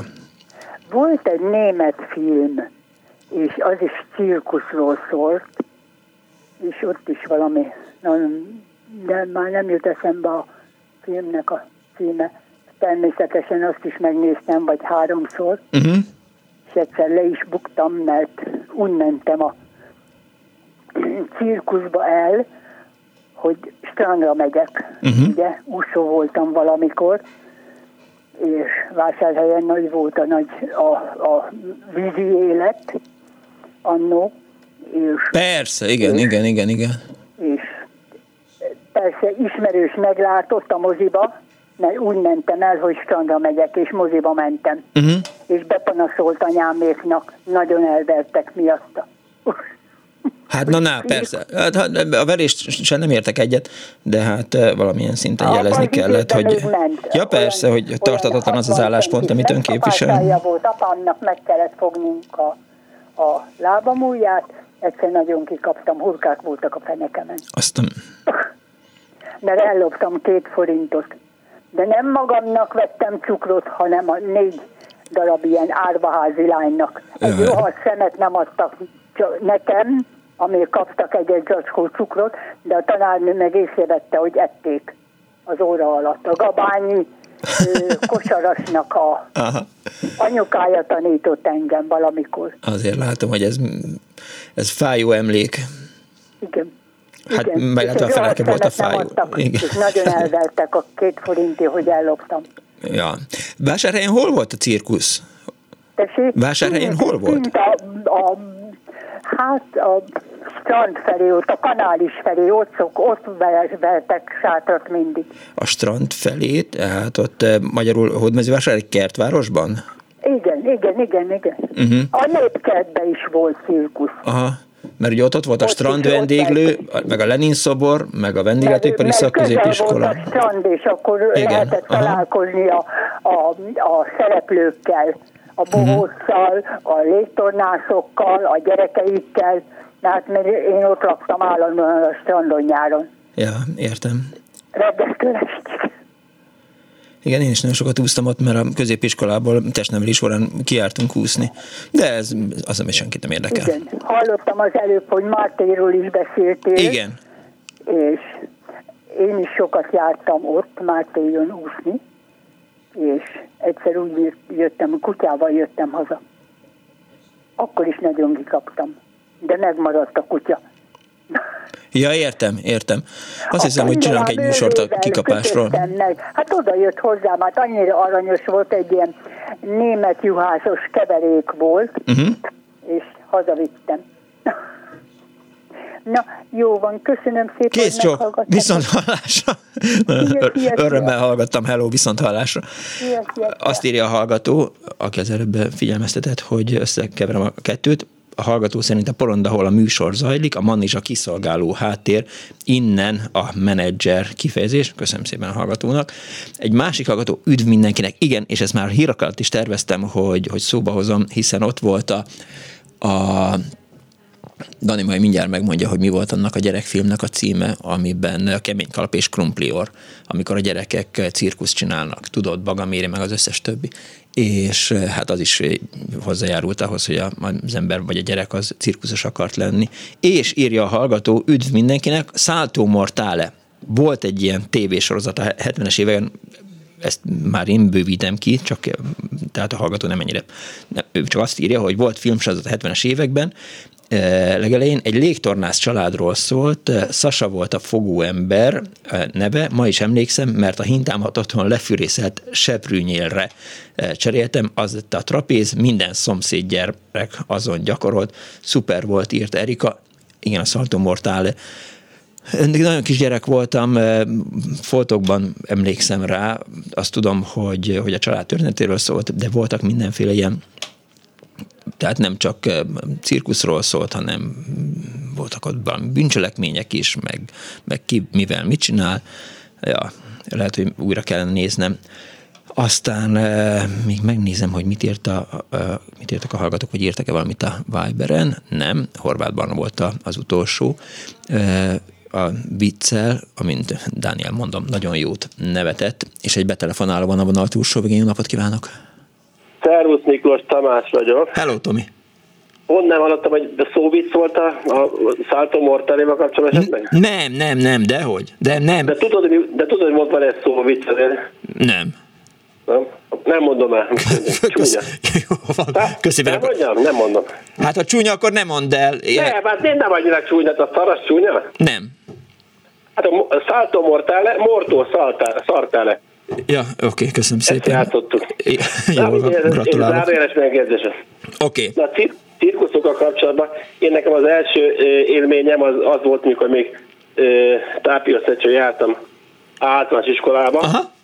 és egyszer hoztak föl minket a cirkuszba, és akkor volt az a Robur nevű busz, nem tudom, rá. Figyelj, azon azt hallgattam 50 éven keresztül. Mondtad, igen, a, a, a, a, a, apám, apámnak a, a, a rossz vicce, vagy szar vicce, hogy te mondanád. Tehát, hogy két úr van a volánnál, a, a Punks Not Dead úr, meg a Robur. és ezt igen. mindig elmondta. Rohadt meleg volt benne, mert, mert hogy a motor előtt, ne, annak előtt volt a motor, azt hiszem nem hátul, mint a a farosi karosszal, de ott ültünk az első ülésen, nagyon meleg volt. Igen. De följöttünk, és akkor, akkor volt nem én voltam szerelmes, hanem én voltam Tóth Mari szerelmes, és akkor nagyon neki, hogy akkor együtt mehetünk a cirkuszba, és akkor a cirkuszba is úgy került valahogy a sor, hogy egymás mellé kerültünk ott fönn a, a leges, legmagasabb ülésen. Tehát én a cirkuszból semmi nem emlékszem, ez se történt egyébként, esküszöm, csak hogy azt tudom, hogy ő nagyon örült neki, hogy akkor mellettem lehetett a cirkuszba. Ez volt az egyik nagy élmény. Igen, a okay. másik... Semmi igen. nem maradt meg belőle, csak a csaj, oké. Okay. Igen, igen, igen, igen. Na, a másik, hogy várjál, hogy a sorrende? Mondta a feleségem, nagyon eszembe hogy igen, unokákkal voltunk itt, most már Rákosiget rakunk, és itt a Pesti úton keresztúron volt a, egy nagy árvász parkolóba, azt hiszem az ötös, a Richter még cirkusz, uh-huh. és akkor kimentük, a, akkor még csak két unokánkkal, a Bencével meg a Patriciával, két és három évesek voltak, és hát elsősorban ültünk, uh-huh és hát volt egy olyan szám, hogy, hogy a, a ilyen izé, ostor, tehát Western ruhába öltözött bácsi ugye izé, ostor csatot, tehát önként vállalkozót keresett. Uh-huh. Egyből jelentkeztél. Rám bökött, rám bökött. Hát én még nem akartam lebögni a unokák előtt, hogy kimentem, és mondja, hogy ezt az újságfogót fogja meg itt két kézzel, és ne féljek semmitől. Mm. Hát az, én nem félek semmit. Ajaj. Betoltam, és ott az a, a karikásos, hogy elcsaptott előttem, a, nem tudom, mondta, hogy idig vágjam. Tehát mint amit láttam egy előadásokat, egy, egy két saj rövid szoknyában szokott csinálni, én nem mama voltam, de mondtam, hogy mindig vág, tehát ha elvágtam, akkor duplázza meg, igen. és megint, és mint ilyen Klasszikus, pitte, igen. Nem gyufás doboznira, de majdnem, hogy mint de megdicsért, mert jól összedolgoztunk. Értem. És, és nem, nem jutott a kezedre? Nem találtál egyszer sem? Nem, nem találta egyszer de azért pislogtam nagyokat. Hát én is pislogtam volna. volt ilyen szabad rész, és akkor a, voltak ilyen pónilovak, és a, ott hát sorba kellett állni a gyerekeket, mind a kettőkor sikerült föl ülni a uh-huh. X pónilóra, és mégis nem jó volt időrendben, mert a, én saját fiamat vittük el cirkuszba, a, a fővárosi nagy cirkuszba, ott, ott éppen akkor a Shaolin cirkusz volt, azok teljesen be voltunk tojva, tehát azok eszméletlen miket csináltak.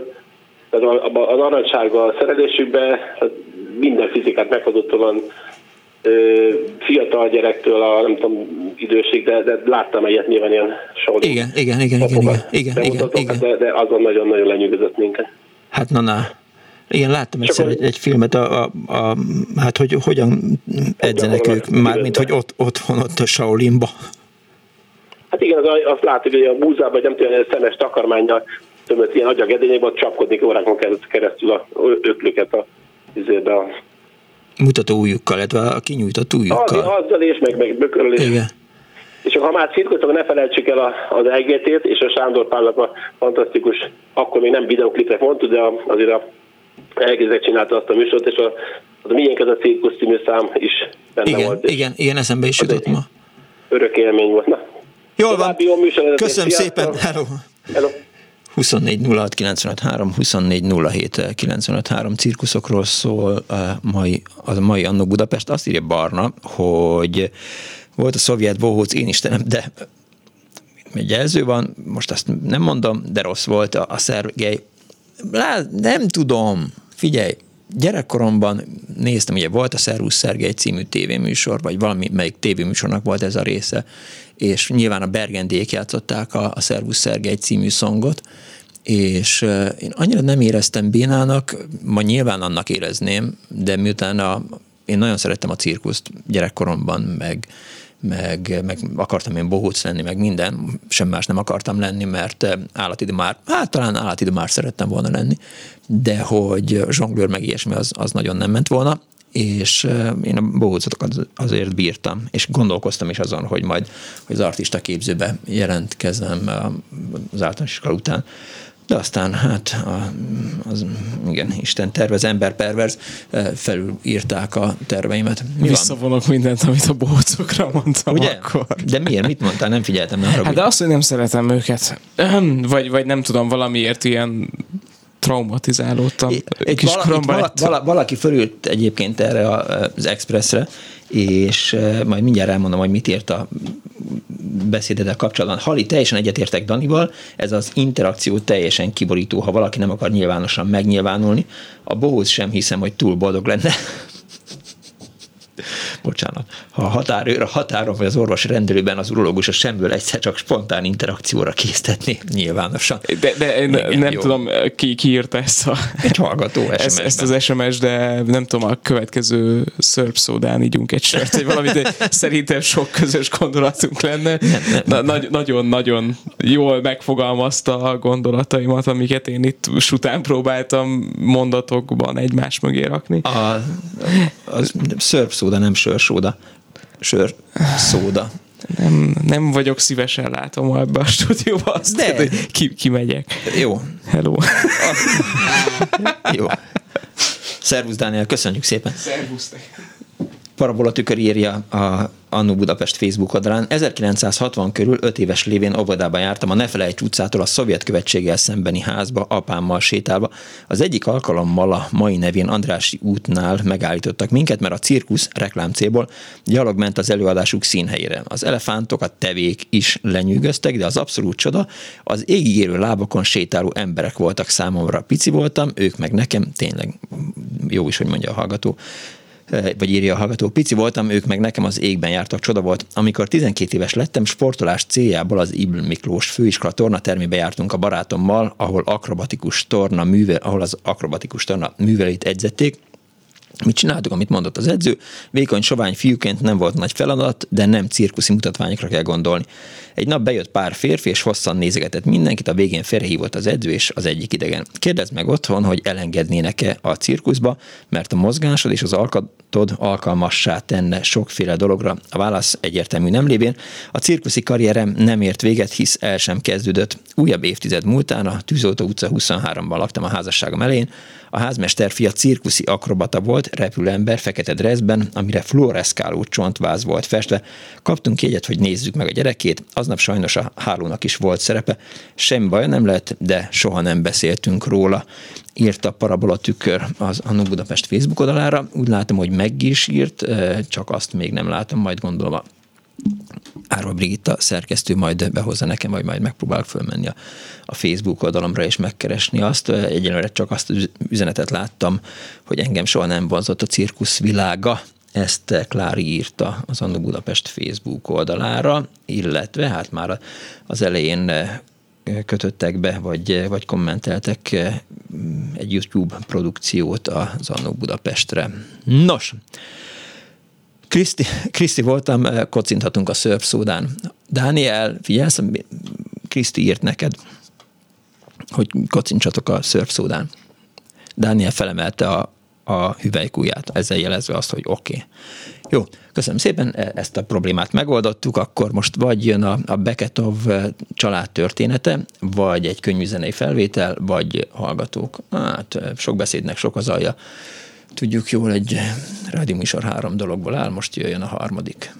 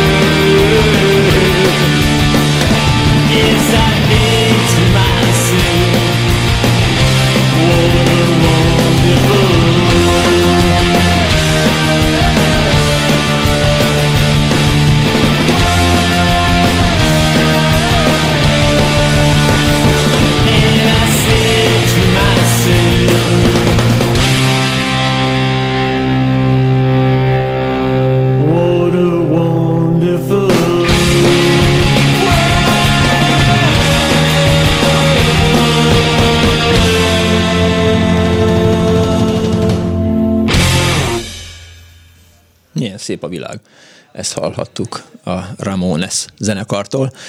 Azt írja uh, Ludwig Magdolna, egy tatabányai hallgató emlegetett, hogy sokat beszélek, hát inkább írok, kérem jelöljön be a Facebookon, ha még nem vagyunk ismerősök, és írjon a Messengeren. Bánidán laktunk 8 éves koromig a Jókai iskolában az emeleten, mert ott tanított mamikám. A vándorcirkusz gyakran jött, és mi családilag elmentünk. Nagyon féltem, mert az ide már bedugta a fejét az oroszlán szájába, és ezt már előre megmondták apukámék.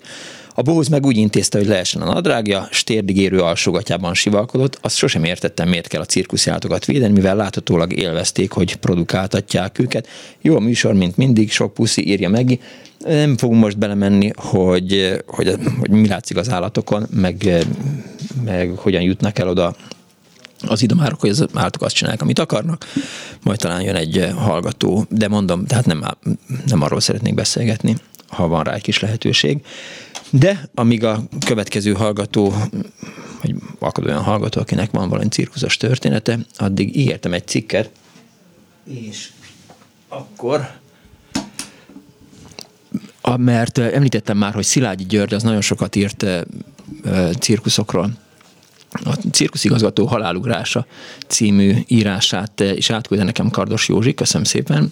Két-három között a, kettő-három között a Dunában vagyok, ez a alcíme a cikknek, és, és így kezdődik. Egy Dunai hajóról 1928 áprilisában vízbe ölte magát egy férfi. Egy felöltő és néhány revolver töltény maradt utána. A hajón meg egy cirkusz a Városligetben, tehát nem. Egy felöltő és néhány revolver történt maradt utána a hajón, meg egy cirkusz a Városligetben, amely az ő nevét viselte. Beketov Mátyás tragédiájával kimerítő részletességgel foglalkozott annak idején a szenzációra éhes bulvár sajtó. Évtizedekkel később magam is több cikket írtam életéről, egyik könyvemben pedig megörökítettem sikerekben gazdag pályafutását, gyűjteményemben őrzött két búcsú leveléről, azonban máig hallgattam. 63 év után, amikor akkor a dráma főszereplői már nincsenek az élők sorában, elérkezettnek látom az időt, hogy közreadjam utolsó gondolatait. Előbb azonban kövessük nyomon tragédiába torkoló életének jelentős állomásait. 1867-ben Orjolban született Matyev Ivanovics Beketov, a cári hadsereg egykori katonája hosszú utat tett meg, amíg neve felkerült a Városligeti cirkusz homlokzatára. Pályafutását egy kopenhágai cirkuszban kezdi, mint bohóc, később disznókat idomít, majd lovakkal kezd foglalkozni. A lovak fordulópontot jelentenek életében. Megtalálja benne, bennük hivatásának célját és értelmét. Csak hamar önállósítja magát, lovakat vesz, és néhány lóval megkezdi cirkuszigazgatói működését. Szakértelemmel és jó üzleti érzékkel vezetett kis cirkusza néhány év leforgás alatt Európa hírű nagy cirkusszá fejlődik, Beketov a lovakra építi álmait. Akkor a századforduló előtti évek és a békebeli béke romantikus felhangú világ a kedves törekvéseinek. A lovas parádék, lovas játékok és lóvas útkora ez, a cirkuszok fűrészparában épp úgy, mint a hadgyakorlaton még a lóasztár. Bocsánat. Beketov erőskezű igazgató és kiváló műlovar egy szemében. 1904-ben Bécsből megpályázza a csőd szélén álló Városligeti cirkusz bérletét. Jelentkezését örömmel fogadják, négy évre kapja meg a Városi Cirkusz bérleti jogát. A világjáró família hosszú vándorlás után Pesten telepedik le. Az orosz származású cirkuszigazgató házat vásárol a liget közelében, ahol mint pesti illetőségű polgár életének hátralévő éveit. Négy évből évtizedek lettek. Beketov csatát nyer, megalapozza hitelét, a pestiek első látásra megszeretik cirkuszát, amely nemzedikek sorának nyújt élvezetes szórakozást a következő években. A Pestre látogató Ferenc József két alkalommal vendége a díszpáholynak. Az első világháború előtt több mint száz lovaban. Valóságos cirkusziménes. A remek cirkuszlovak közül 66-ot idézőjel bevonultattak a háborúba. Két balul sikerült házasságban már mögött, amikor 1914-ben harmadszor is megnősül. Feleségül veszi Valentina Kleint, egy világhírű német kerékpár akrobata grup tagját. A csinos fiatal artista nő hamarosan műlovarnőként lép fel férje oldalán a cirkuszban. Az osztrák-magyar monarchia összeomlása után társigazgatója Könyöt Sándor kezébe került a cirkusz. Könyöt, aki maga is elsőrangú mesterlovas, négy évvel később bedobja a törölközőt. Betétársak hiány Beketov simán megkapja a cirkusz bérletét, ismét átveszi az irányítást. Ez időtájt ismerkedik meg dr. Z. a állatorvossal. A lovakhoz kiválóan értő Z. a tisztirangban küzdötte végig a világháborút, és a 20-as évek elején egy főrangú személyiség birtokán gyümölcsözteti szaktudását. Beketov megmutatja neki csodálatos cirkuszi ménesét, remélve, hogy sikerül megnyernie lovai intendánsának. Az állatorvos számára ismeretlen a világ, a cirkusz vonzása erősebbnek bizonyul a vidéki uradalomnál, és elfogadja Beketov ajánlatát. A lovakért telelkesedő két férfi kapcsolata az évek során barátságán mélyül. Zséa ismeri Beketov minden titkát. Beszédesen bizonyítja ezt Beketov eredetileg német nyelven írt búcsúlevele, amely mint üzenet a palaszból évtizedeken át hányódott az idő tengerén, míg nem partot ért gyűjteményemben, írja tehát Szilágyi György 1991. január 20-án a Kurírban, és akkor jön a levél. Deák Ferenc Gőzös 1928. 4. hó 4 -e éjjel 11 óra. Drága jó doktorom, szomorú, de ezt a háborút nem vívhatom tovább. Leteszem a fegyvert, és örökre befejezem. Van egy nagy kérésem, ne utasítsa el. Az én szegény boldogtalan gyermekeim, Boris és Matyi, számára pótolja az apát. Bánjon velük úgy, mint a saját gyermekeivel. Járassa ki velük az iskolákat, és adjon kezükbe szakmát. Az anyára nem lehet számítani. A szegény, beteg, boldogtalan asszony nem tehet róla. Gyógyíthatatlan betegségben szenved. Én mindent megbocsájtottam már neki, bocsásson meg neki a jó Isten is. Talán egyszer mégis megjön az esze, én mindenre elkészültem. Ma éjszaka 2-3 között a Dunában vagyok. Ez az elhatározásom már két éve a fejemben van, de máig küzdöttem. Az idegeim azonban nem bírják tovább. Kérem, kérem, csókolja meg helyettem utoljára szívből az elhagyott gyerekeimet. Üdvözlöm és csókolom önt és Mariskát. Szívemből utoljára addio, M. Beketov. Szíves üdvözletem minden ismerősnek és barátnak. Valójában mi történt? Teszi fel a kérdést Szilágyi. Valentina Klein rabja volt az alkoholnak. Egy, alkalom, egy alkalommal már tiszti orvosi bizonyítvány alapján írt, zárt helyen ápolják, sajnos nem gyógyult meg, a kezelés után folytatta, ahol abba hagyta. Gyakran eltűnt, Beketov tudta, hol keresse. Végigjárta angyalföld csapszékeit, míg, valamelyik, míg valamelyikben rábukkant holt részeg asszonyára, aki addigra már eladta értékes perzsa bundáját. Valentin is kapott búcsúlevelet, nem volt benne szemernyi szemrehányás, szép búcsúlevél volt, ki lehetett tenni a kirakatba, elcsámcsogott rajta a sajtó. Beketov 1928-as zsebnaptárának lapjaira írt igazi búcsúlevele, azonban ugyancsak nem került nyilvánosságra soha. A birtokomban lévő notesztitka most feltárul az olvasók, és teszem hozzá, a hallgatók előtt, tehát egy 1991-es cikket idézek. Wien 1928. április 2. Kedves Tina, én mindent megbocsájtottam neked, bocsásson meg neked a jó Istenem is. Kérlek, légy most okos, és gondolj a gyermekeidre, és most a Dunában befejezem. Te is bocsáss meg nekem, de én nem tudok így élni tovább. Utolsó üdvözletés csók, a te Mátiászod. Tegnap 1928. április 1-én Zsé doktor úrnál öt koffert leraktam. Ezekben a kofferekben csak értékek vannak a következő mennyiségben két koffer orosz kosztüm, amiket Bécsben vásároltam. Egy jó bőrönd az én medáliáimmal, egy ezüst születésnapi koszorú és képek, egy amerikai koffer különféle ezüsttárgyakkal, két vaskazetta különféle arany és ezüsttárgyakkal, egy nagy kézi utitáska, ezüst evőeszközökkel és más ezüst homival, azon kívül egy nagy buhara szőnyeg, 1500 pengő értékű. Mindezt szükség esetén értékesíts. Egy nagy kézi utitáskában találhatók meg a hadikölcsönök, amik később sokat, amik később értékesek lesznek. Amik a varrógépet Z doktornak ajándékoztam, minden más tárgy, a lakás és iroda berendezés a tiéd. Próbáld meg az üzletet egyedül Wildmannal tovább vezetni. Z doktor úrnak átadtam 4000 pengőt, hogy fizesse ki a gyerekek kosztját és az iskolai költségeit. M. Beketov. Dr. Zséa becsülettel teljesítette Beketov vége akaratát, gondoskodott az apa nélkül maradt két fiú neveltetéséről, iskoláztatta, kézben tartott őket, amíg tudta. Nem rajta múlott, hogy Beketov fiai holtvágányra kerültek. Boris az idegen légióban kötött ki, a 30-as évek derekán Algériából adott életjelt magáról, később Angliába sodródott, további sorsa ismeretlen, Mátyás nem szeretett dolgozni, Házsé doktor, ha Z doktor állást szerzett számára, nem járt be a munkahelyére, napozta csavargott, lejáratta jótevőjét, alkoholista lett, egyre mélyebbre került, a második világháború idején rikkancsként tengette életét. 1944-ben végre talált, megfelelő állást talált magának, belépett az SS-be, aztán örökre eltűnt, elesett, vagy egy 1940-ben felröppent hír szerint elfogták és kivégezték. Új bekezdés. Beketov Mátyás elhanyagolt sírját kőből faragott oroszlán őrzi a Kerepesi úti temetőben. Valentina Klein egy évvel később követő őt a halálban. Közös sírban nyugszanak, kőoroszlán. A kőoroszlán némán vigyázza álmukat. Itt van vége Szilágyi György cikkének, és csak annyit akarok hozzátenni, hogy, hogy nagyon sokat mm, járok, igazából futok a Kerepesi úti temetőbe, és nem emlékszem rá. Azt tudom, hogy Endi Vajna sírján egy, egy tigris van, de hogy Beketov Mátyás sírjára ezzel az oroszlánnal most így hirtelen nem emlékszem, de, de mindenféleképp majd nyilván ott a művész parcellában kellene körülnéznem, hogy, hogy megtaláljam, és megnézem, de meg fogom tenni. Ígérem önöknek. Azt írja egy hallgató, hogy Tony Curtis is játszott egy cirkuszos filmben, Salto Mortale vagy a cirkusz világa, és ne felejtsük, Aglaja fantasztikusan jó filmet, írta a hallgató, illetve egy másik azt írja, hogy én például a kínai cirkuszos rendkívül flexibilis guminőket kedveltem kiskoromban, pár évvel később szintén kínai guminőket is kedveltem, de az már felnőtt bolt volt, szórakozik Horváth Barna. Más üzenet most így hirtelen nincsen, úgyhogy egy könnyűzenei felvétel, és utána a Klubrádió cirkusz szakértője következik. One, two, three,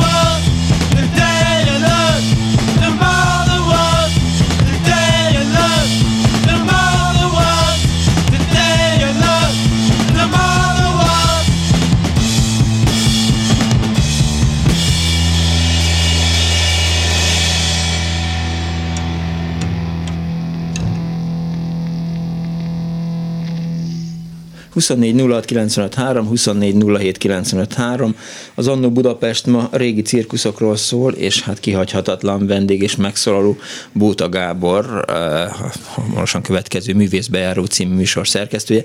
Te pénteken, amikor Gávölgyivel beszélsz, és eh, színházi előadásokról beszélsz, sosem felejted el, hogy, hogy cirkuszi előadásokat is szobazzál. Milyen, de ez honnan van a cirkusz Gyerekkoromból, gyerekkoromból a Fejes Sanyi volt a legjobb barátom, akinek a papája a cirkusznak azt hiszem a gazdasági igazgatója volt, és már akkor bejártunk hátra. Ez igen. Aztán... Ugye ott voltak a lakókocsik. Ott voltak a hát akkor még rendes lakókocsik igen, voltak, igen. nem úgy a vándorcirkuszoknál most is vannak, ne tud melyik egyébként, hogy mondjuk egy Richteréknél milyen lakókocsi ja, van. Azt, az azt hiper, szuper. Hiper szuper, azt én elfogadnám, tehát ne, ne a, ne a Felléni országúton típusú nem, lakókocsikat nem, nem, képzeljük hogy, el, ez hiper, de hogy mennyire igen. fontos a cirkusz, az azt mutatja, hogy például Felléni, vagy Toulouse-Lautrec, vagy Picasso, vagy Chagall, vagy hányan foglalkoztak ugye, ugye cirkusszal. Na, tehát már akkor bejártunk, sőt, a bábszakkörben is együtt jártunk a Fejes Sanyival,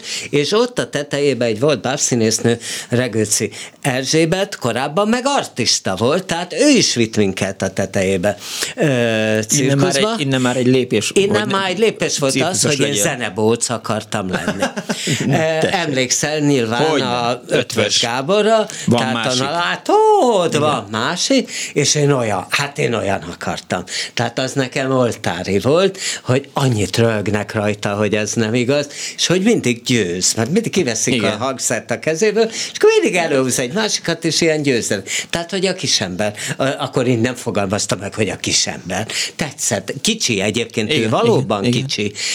A fia is aztán csinálta ezt a számot, aki már jóval magasabb, és ez egy kisember, ő se volt rossz egyébként, ő is Jászai Díjas artista, de, de ez egy kicsi, ez egy kimondottan egy ilyen Chaplini figura. Uh-huh. Ha úgy tetszik, ugye látta őt Chaplin föllépni, van is egy olyan kép, ahol közösen igen, vannak, igen. és a Chaplin gratulál neki, hát ő ugye bejárta abszolút, a, abszolút a világot, és képzeld el, hogy egyszer, amikor fönn voltam náluk, ugye a felesége pedig hosszú évig a cirkuszigazgatója uh-huh. volt, akkor képzeld el, hogy hát még ilyen ócska, ilyen VHS videókon, ugye minden nyelven, ahol a világban járt, megtanult azon a nyelven ja, igen, ezt igen, a igen, hogy, hogy, hogy, hogy van másik. Igen. És akkor ő végigmutogatta ezt videón, érted, hogy akkor, akkor kínai úr mondjuk hogy hangzik, hogy, hogy no, látod, van másik. Egyébként még egy nagyon jó pofa sztori, de miért nem lettél zenebohóc? Majd mindjárt a, a sztori. Hát mert ez lettem, ami le, ez Igen. lettem, ami lettem. Ki Igen. tudja, miért nem. Például nem tudok zenélni, ez, ja. ezen, ezen egyszerű. Úgy, úgy. És ő egyébként elég jól tudott, tényleg tő, több, több hangszeret. Uh-huh. Appa abszolút tudott. Na, még egy sztori fűződik a nevéhez, akkor már újságíró lettem, hát így alakult. Viszonylag fiatal újságíró voltam a Népszabadságnál, és írtam Ötvös Gáborral uh-huh. egy cikket. És ja, volt egy kis teljesen szokványos képaláírás, hogy Ötvös Gábor a zenebohóc. Bemegyek a deskbe, ami nem volt divat, hogy aki nem szerkesz, ott, ott azért elég katonás rend volt. Bemegyek, és mit látok kép? Ötvös Pálnak hívták a főszerkesztőt. Igen. Mit látok képaláírásnak? Úgy, hogy ez már keresztül ment olvasó szerkesztőn, meg főszerkesztő helyettesen képaláírásnak. Ötvös Pál a zenebohóc. Na most észrevettem, szóltam, többen utána Gyorsan mondták, vissza kellett hogy, hívni az oldalt. Több, több, persze, több, többen utána mondták, hogy kár volt szólnom, mert milyen nagy buli lett volna. E, nyilván jó kirúgnak, ha ez, ha ez így, így megy, de hát a félszakma ezen rögött volna. Egyébként nem tudom miért, mert azt, hogy bohóc, az valahogy rang, szerintem. Soha nem felejtem el, hogy a Korona cukrászdában a Gobbi Hildának, aki igazán nagy színész volt, volt egy előadóeste, és így azt mondta nekünk, hogy hát ha ő tehetségesebb lett volna, akkor bohóc lett hm.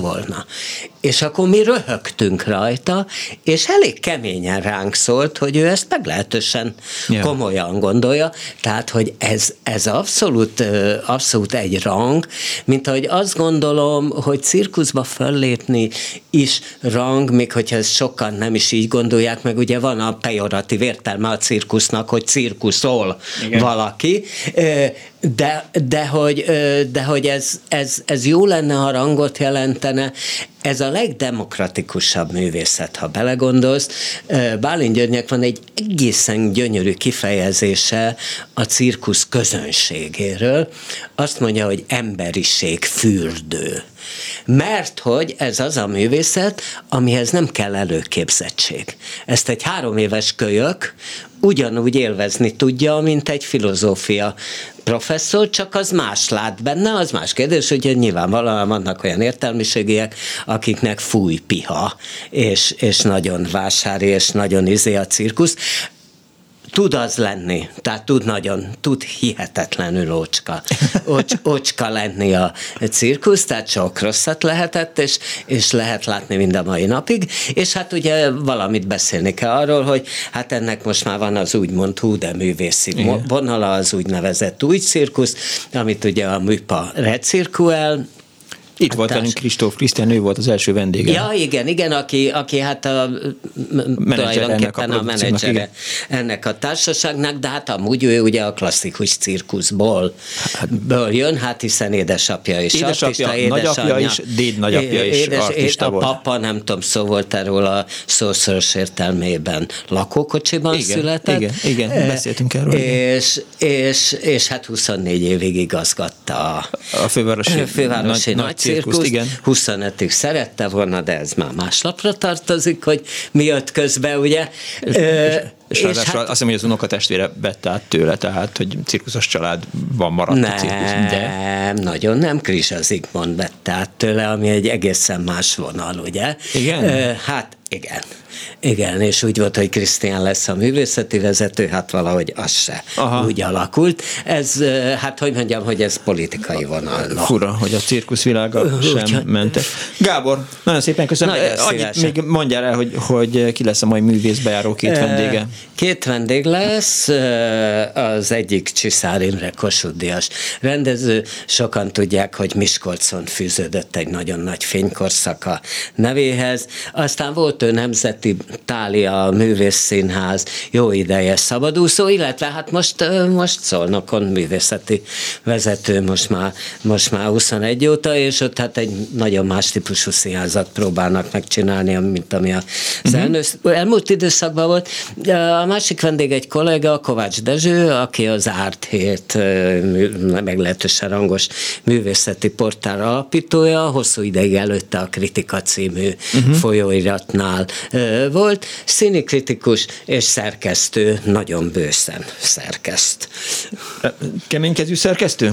Nem úgy, én ezt nem úgy értem, hanem ja. nagyon lelkesen, nagyon sok minden jelenik meg ott, ugye ez nem csak egy színházi portál, Igen. a színház van túlsúlyban, de azért ugyanúgy van film, filmzene, mindenféle egyéb művészet is ezen az árt. Érdekes műsor ez. Köszönöm szépen. Én is. Bóta Gábor volt a vendégünk, még van hátra 10 perc, ha gondolják a hallgatók, akkor szóljanak hozzá, vagy ha eszükbe jutott bármi így a cirkuszról a műsor vége felé közeledve. Én persze, miközben Gáborral beszélgettem, itt nyomogattam a, a egeret, és emiatt aztán az a vers, amit bekészítettem, hál' Istennek megtaláltam.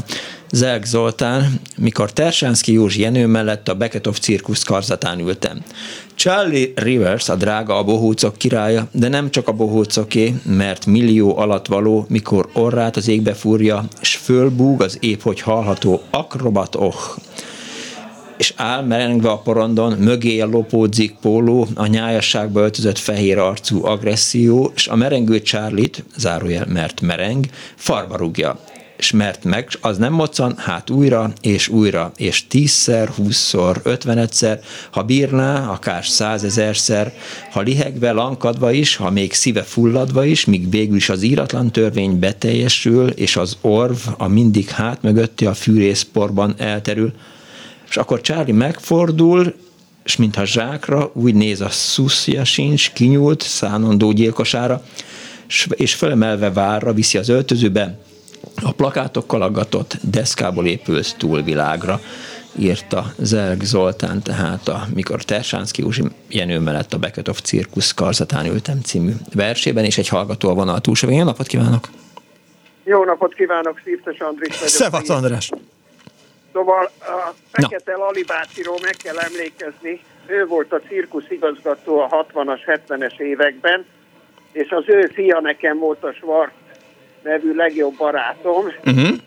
Úgy olyannyira, hogy sokszor náluk töltöttem a napokat is, mert a, a, a Schwarznak az anyukája, a Lali bácsinak a felesége, a Frici néni úgy ellátott minket, mintha a harmadik anyukám lett volna és a Fekete Lali bácsi, mint megbízható elvtárs, ugye még a második világháború előtti munkás mozgalomból, uh-huh.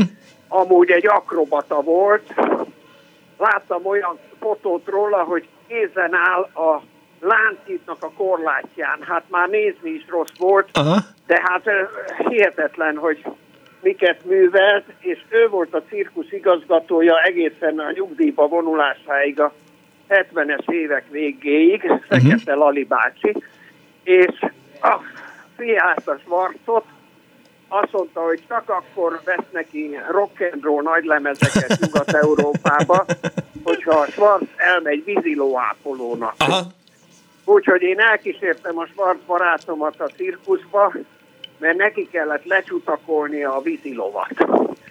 Ami megdöbbentő volt, én nem tudtam, hogy a vízilónak a fütyje az kilincs alakú, hm. Tehát olyan, mint Én egy ajtókilincs. Nyilván azért van ez, hogy, hogy könnyebben hozzáférjen a nagy testével, ugye a nőstényhez. Igen. A Schwarz fogott, ha nem is egy drótkeszét, de egy olyan súroló kefét, és azzal szépen lesikálta minden alkalommal a vízilónak az egész testét, beleértve a nemi szervét is. Uh-huh. De vízi... Ahelyett, hogy a víziló megette volna a svarcot, mert Aha. ha kitátotta a száját, belefért volna a derékig a svarc. Nagyon örült ennek, és már meg is ismerte. Elnézést. Úgyhogy én csak úgy ámulva csodálkoztam rajta.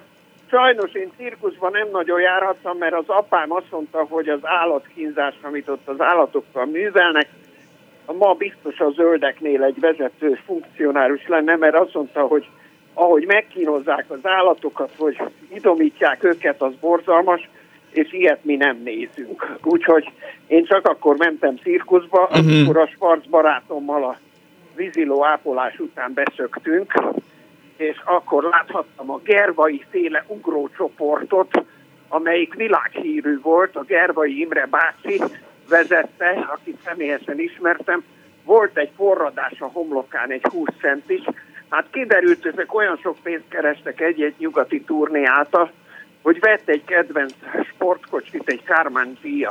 Az igen. nevű, ilyen nyitott kabriót, beleültette a Lalibácit, a cirkuszigazgatót, és ketten elkezdtek száguldozni Nyugat-Németországba. Majd azt mondta az Imre bácsi, hogy látod, ott jön a két, az út két szélén két biciklista, látod a lámpájukat, azt mondja, igen, na elmegyünk köztük. Hát kiderült, nem, hogy ez nem, nem igaz.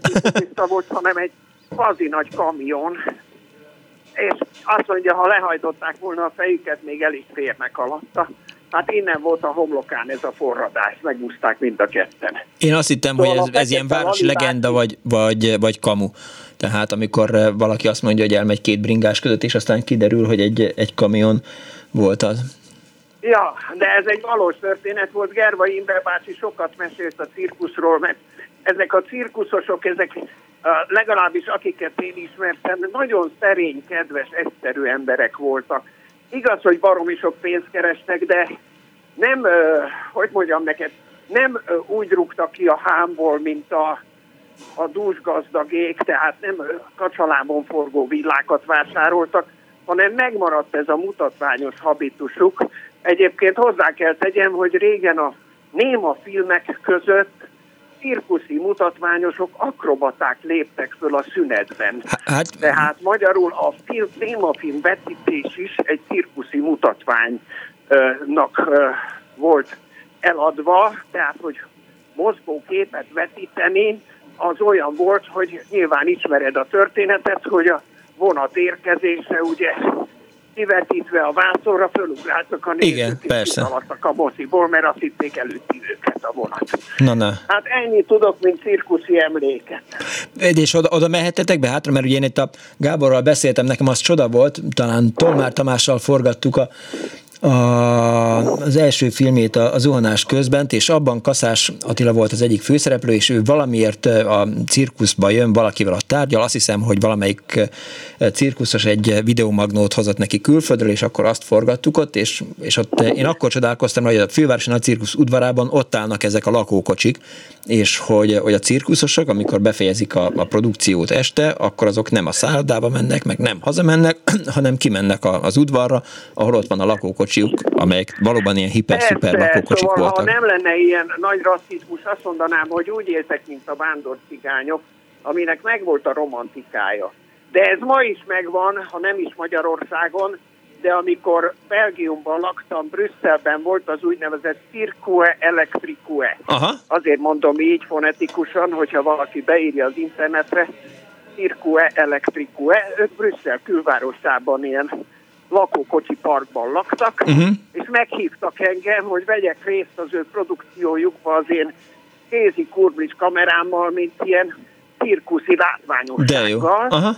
De közben ők baromi jó rock and roll zenét nyomtak, és nagyszerű állat, izéjük nem volt állatszámuk, csak tánc, mozgás, akrobatika, trapéz, háló nélküli lendülés, meg különböző gúlákat építettek, ezért fontos a gervai féle ugrócsoport, akik a világon a legmagasabb gúlát csinálták. Hát én nagyon örülök neki, hogy ez a cirkusz még megvan, és nem tudom, hogy Magyarországon van-e még vándor cirkusz, Biztos, hogy van, biztos, hogy van, mintha emlékeznék rá, hogy, hogy a Balatonparton mentem most a közelmúltban Boglár felé talán, és minthogyha ha ott valahol biztos, hogy láttam egy cirkuszi sátrat, és ki volt írva, hogy jön a cirkusz. Vagy valahol Igen, Zalában láttam. Ja.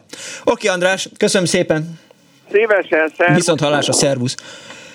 Nem voltam én ám ennyire optimista, tehát azt gondoltam, hogy, hogy vasárnap délután, pünkös vasárnap délután kettő és négy közt lehet, hogy nem sikerül a hallgatókat úgy megszólítani, egyszerűen azért nem sikerül megszólítani, mert hogy nincsenek itt, mert, mert elutaztak, nyaraltak, én is be kell, hogy valljam, hogy hogyha ha nem lettem volna ma itt a rádióban, akkor, akkor nyilván elhúztunk volna egy kicsit ki a városból, valahová vízpartra. De hát egy ilyen dolog. Azt írja a hallgató, a víziló az álmát szerette. Az almát szerette, írja még a hallgató. A Viberen azzal lehetett beterelni a szállító kocsiba, vízzel együtt szállították, a víz mozgását szalmával csillapították. A szállító jármű az Egyesült Jármű KTS-ben készült, tervező Cserni József találta. Mi a, mi a szalmáti? Bevált. Köszönöm szépen, ez még egy fontos információ volt a vízlovak szállításához képest. A műsor szerkesztője Árva Brigitta volt, létrehozásában segítségemre volt, mármint a műsor létrehozásában. Kemény Dániel a pultok mögött, Kardos Józsi a cikkekkel, illetve pálinkás volna videóanyagokkal. Egy hét múlva is lesz Annó Budapest, tartsanak velünk. Viszont hallásra, Richter cirkusz van lelén írt a hallgató. Köszönöm szépen, ennyi. De hogy ennyi? Give peace a chance, Putyin rohagy meg B-hallás.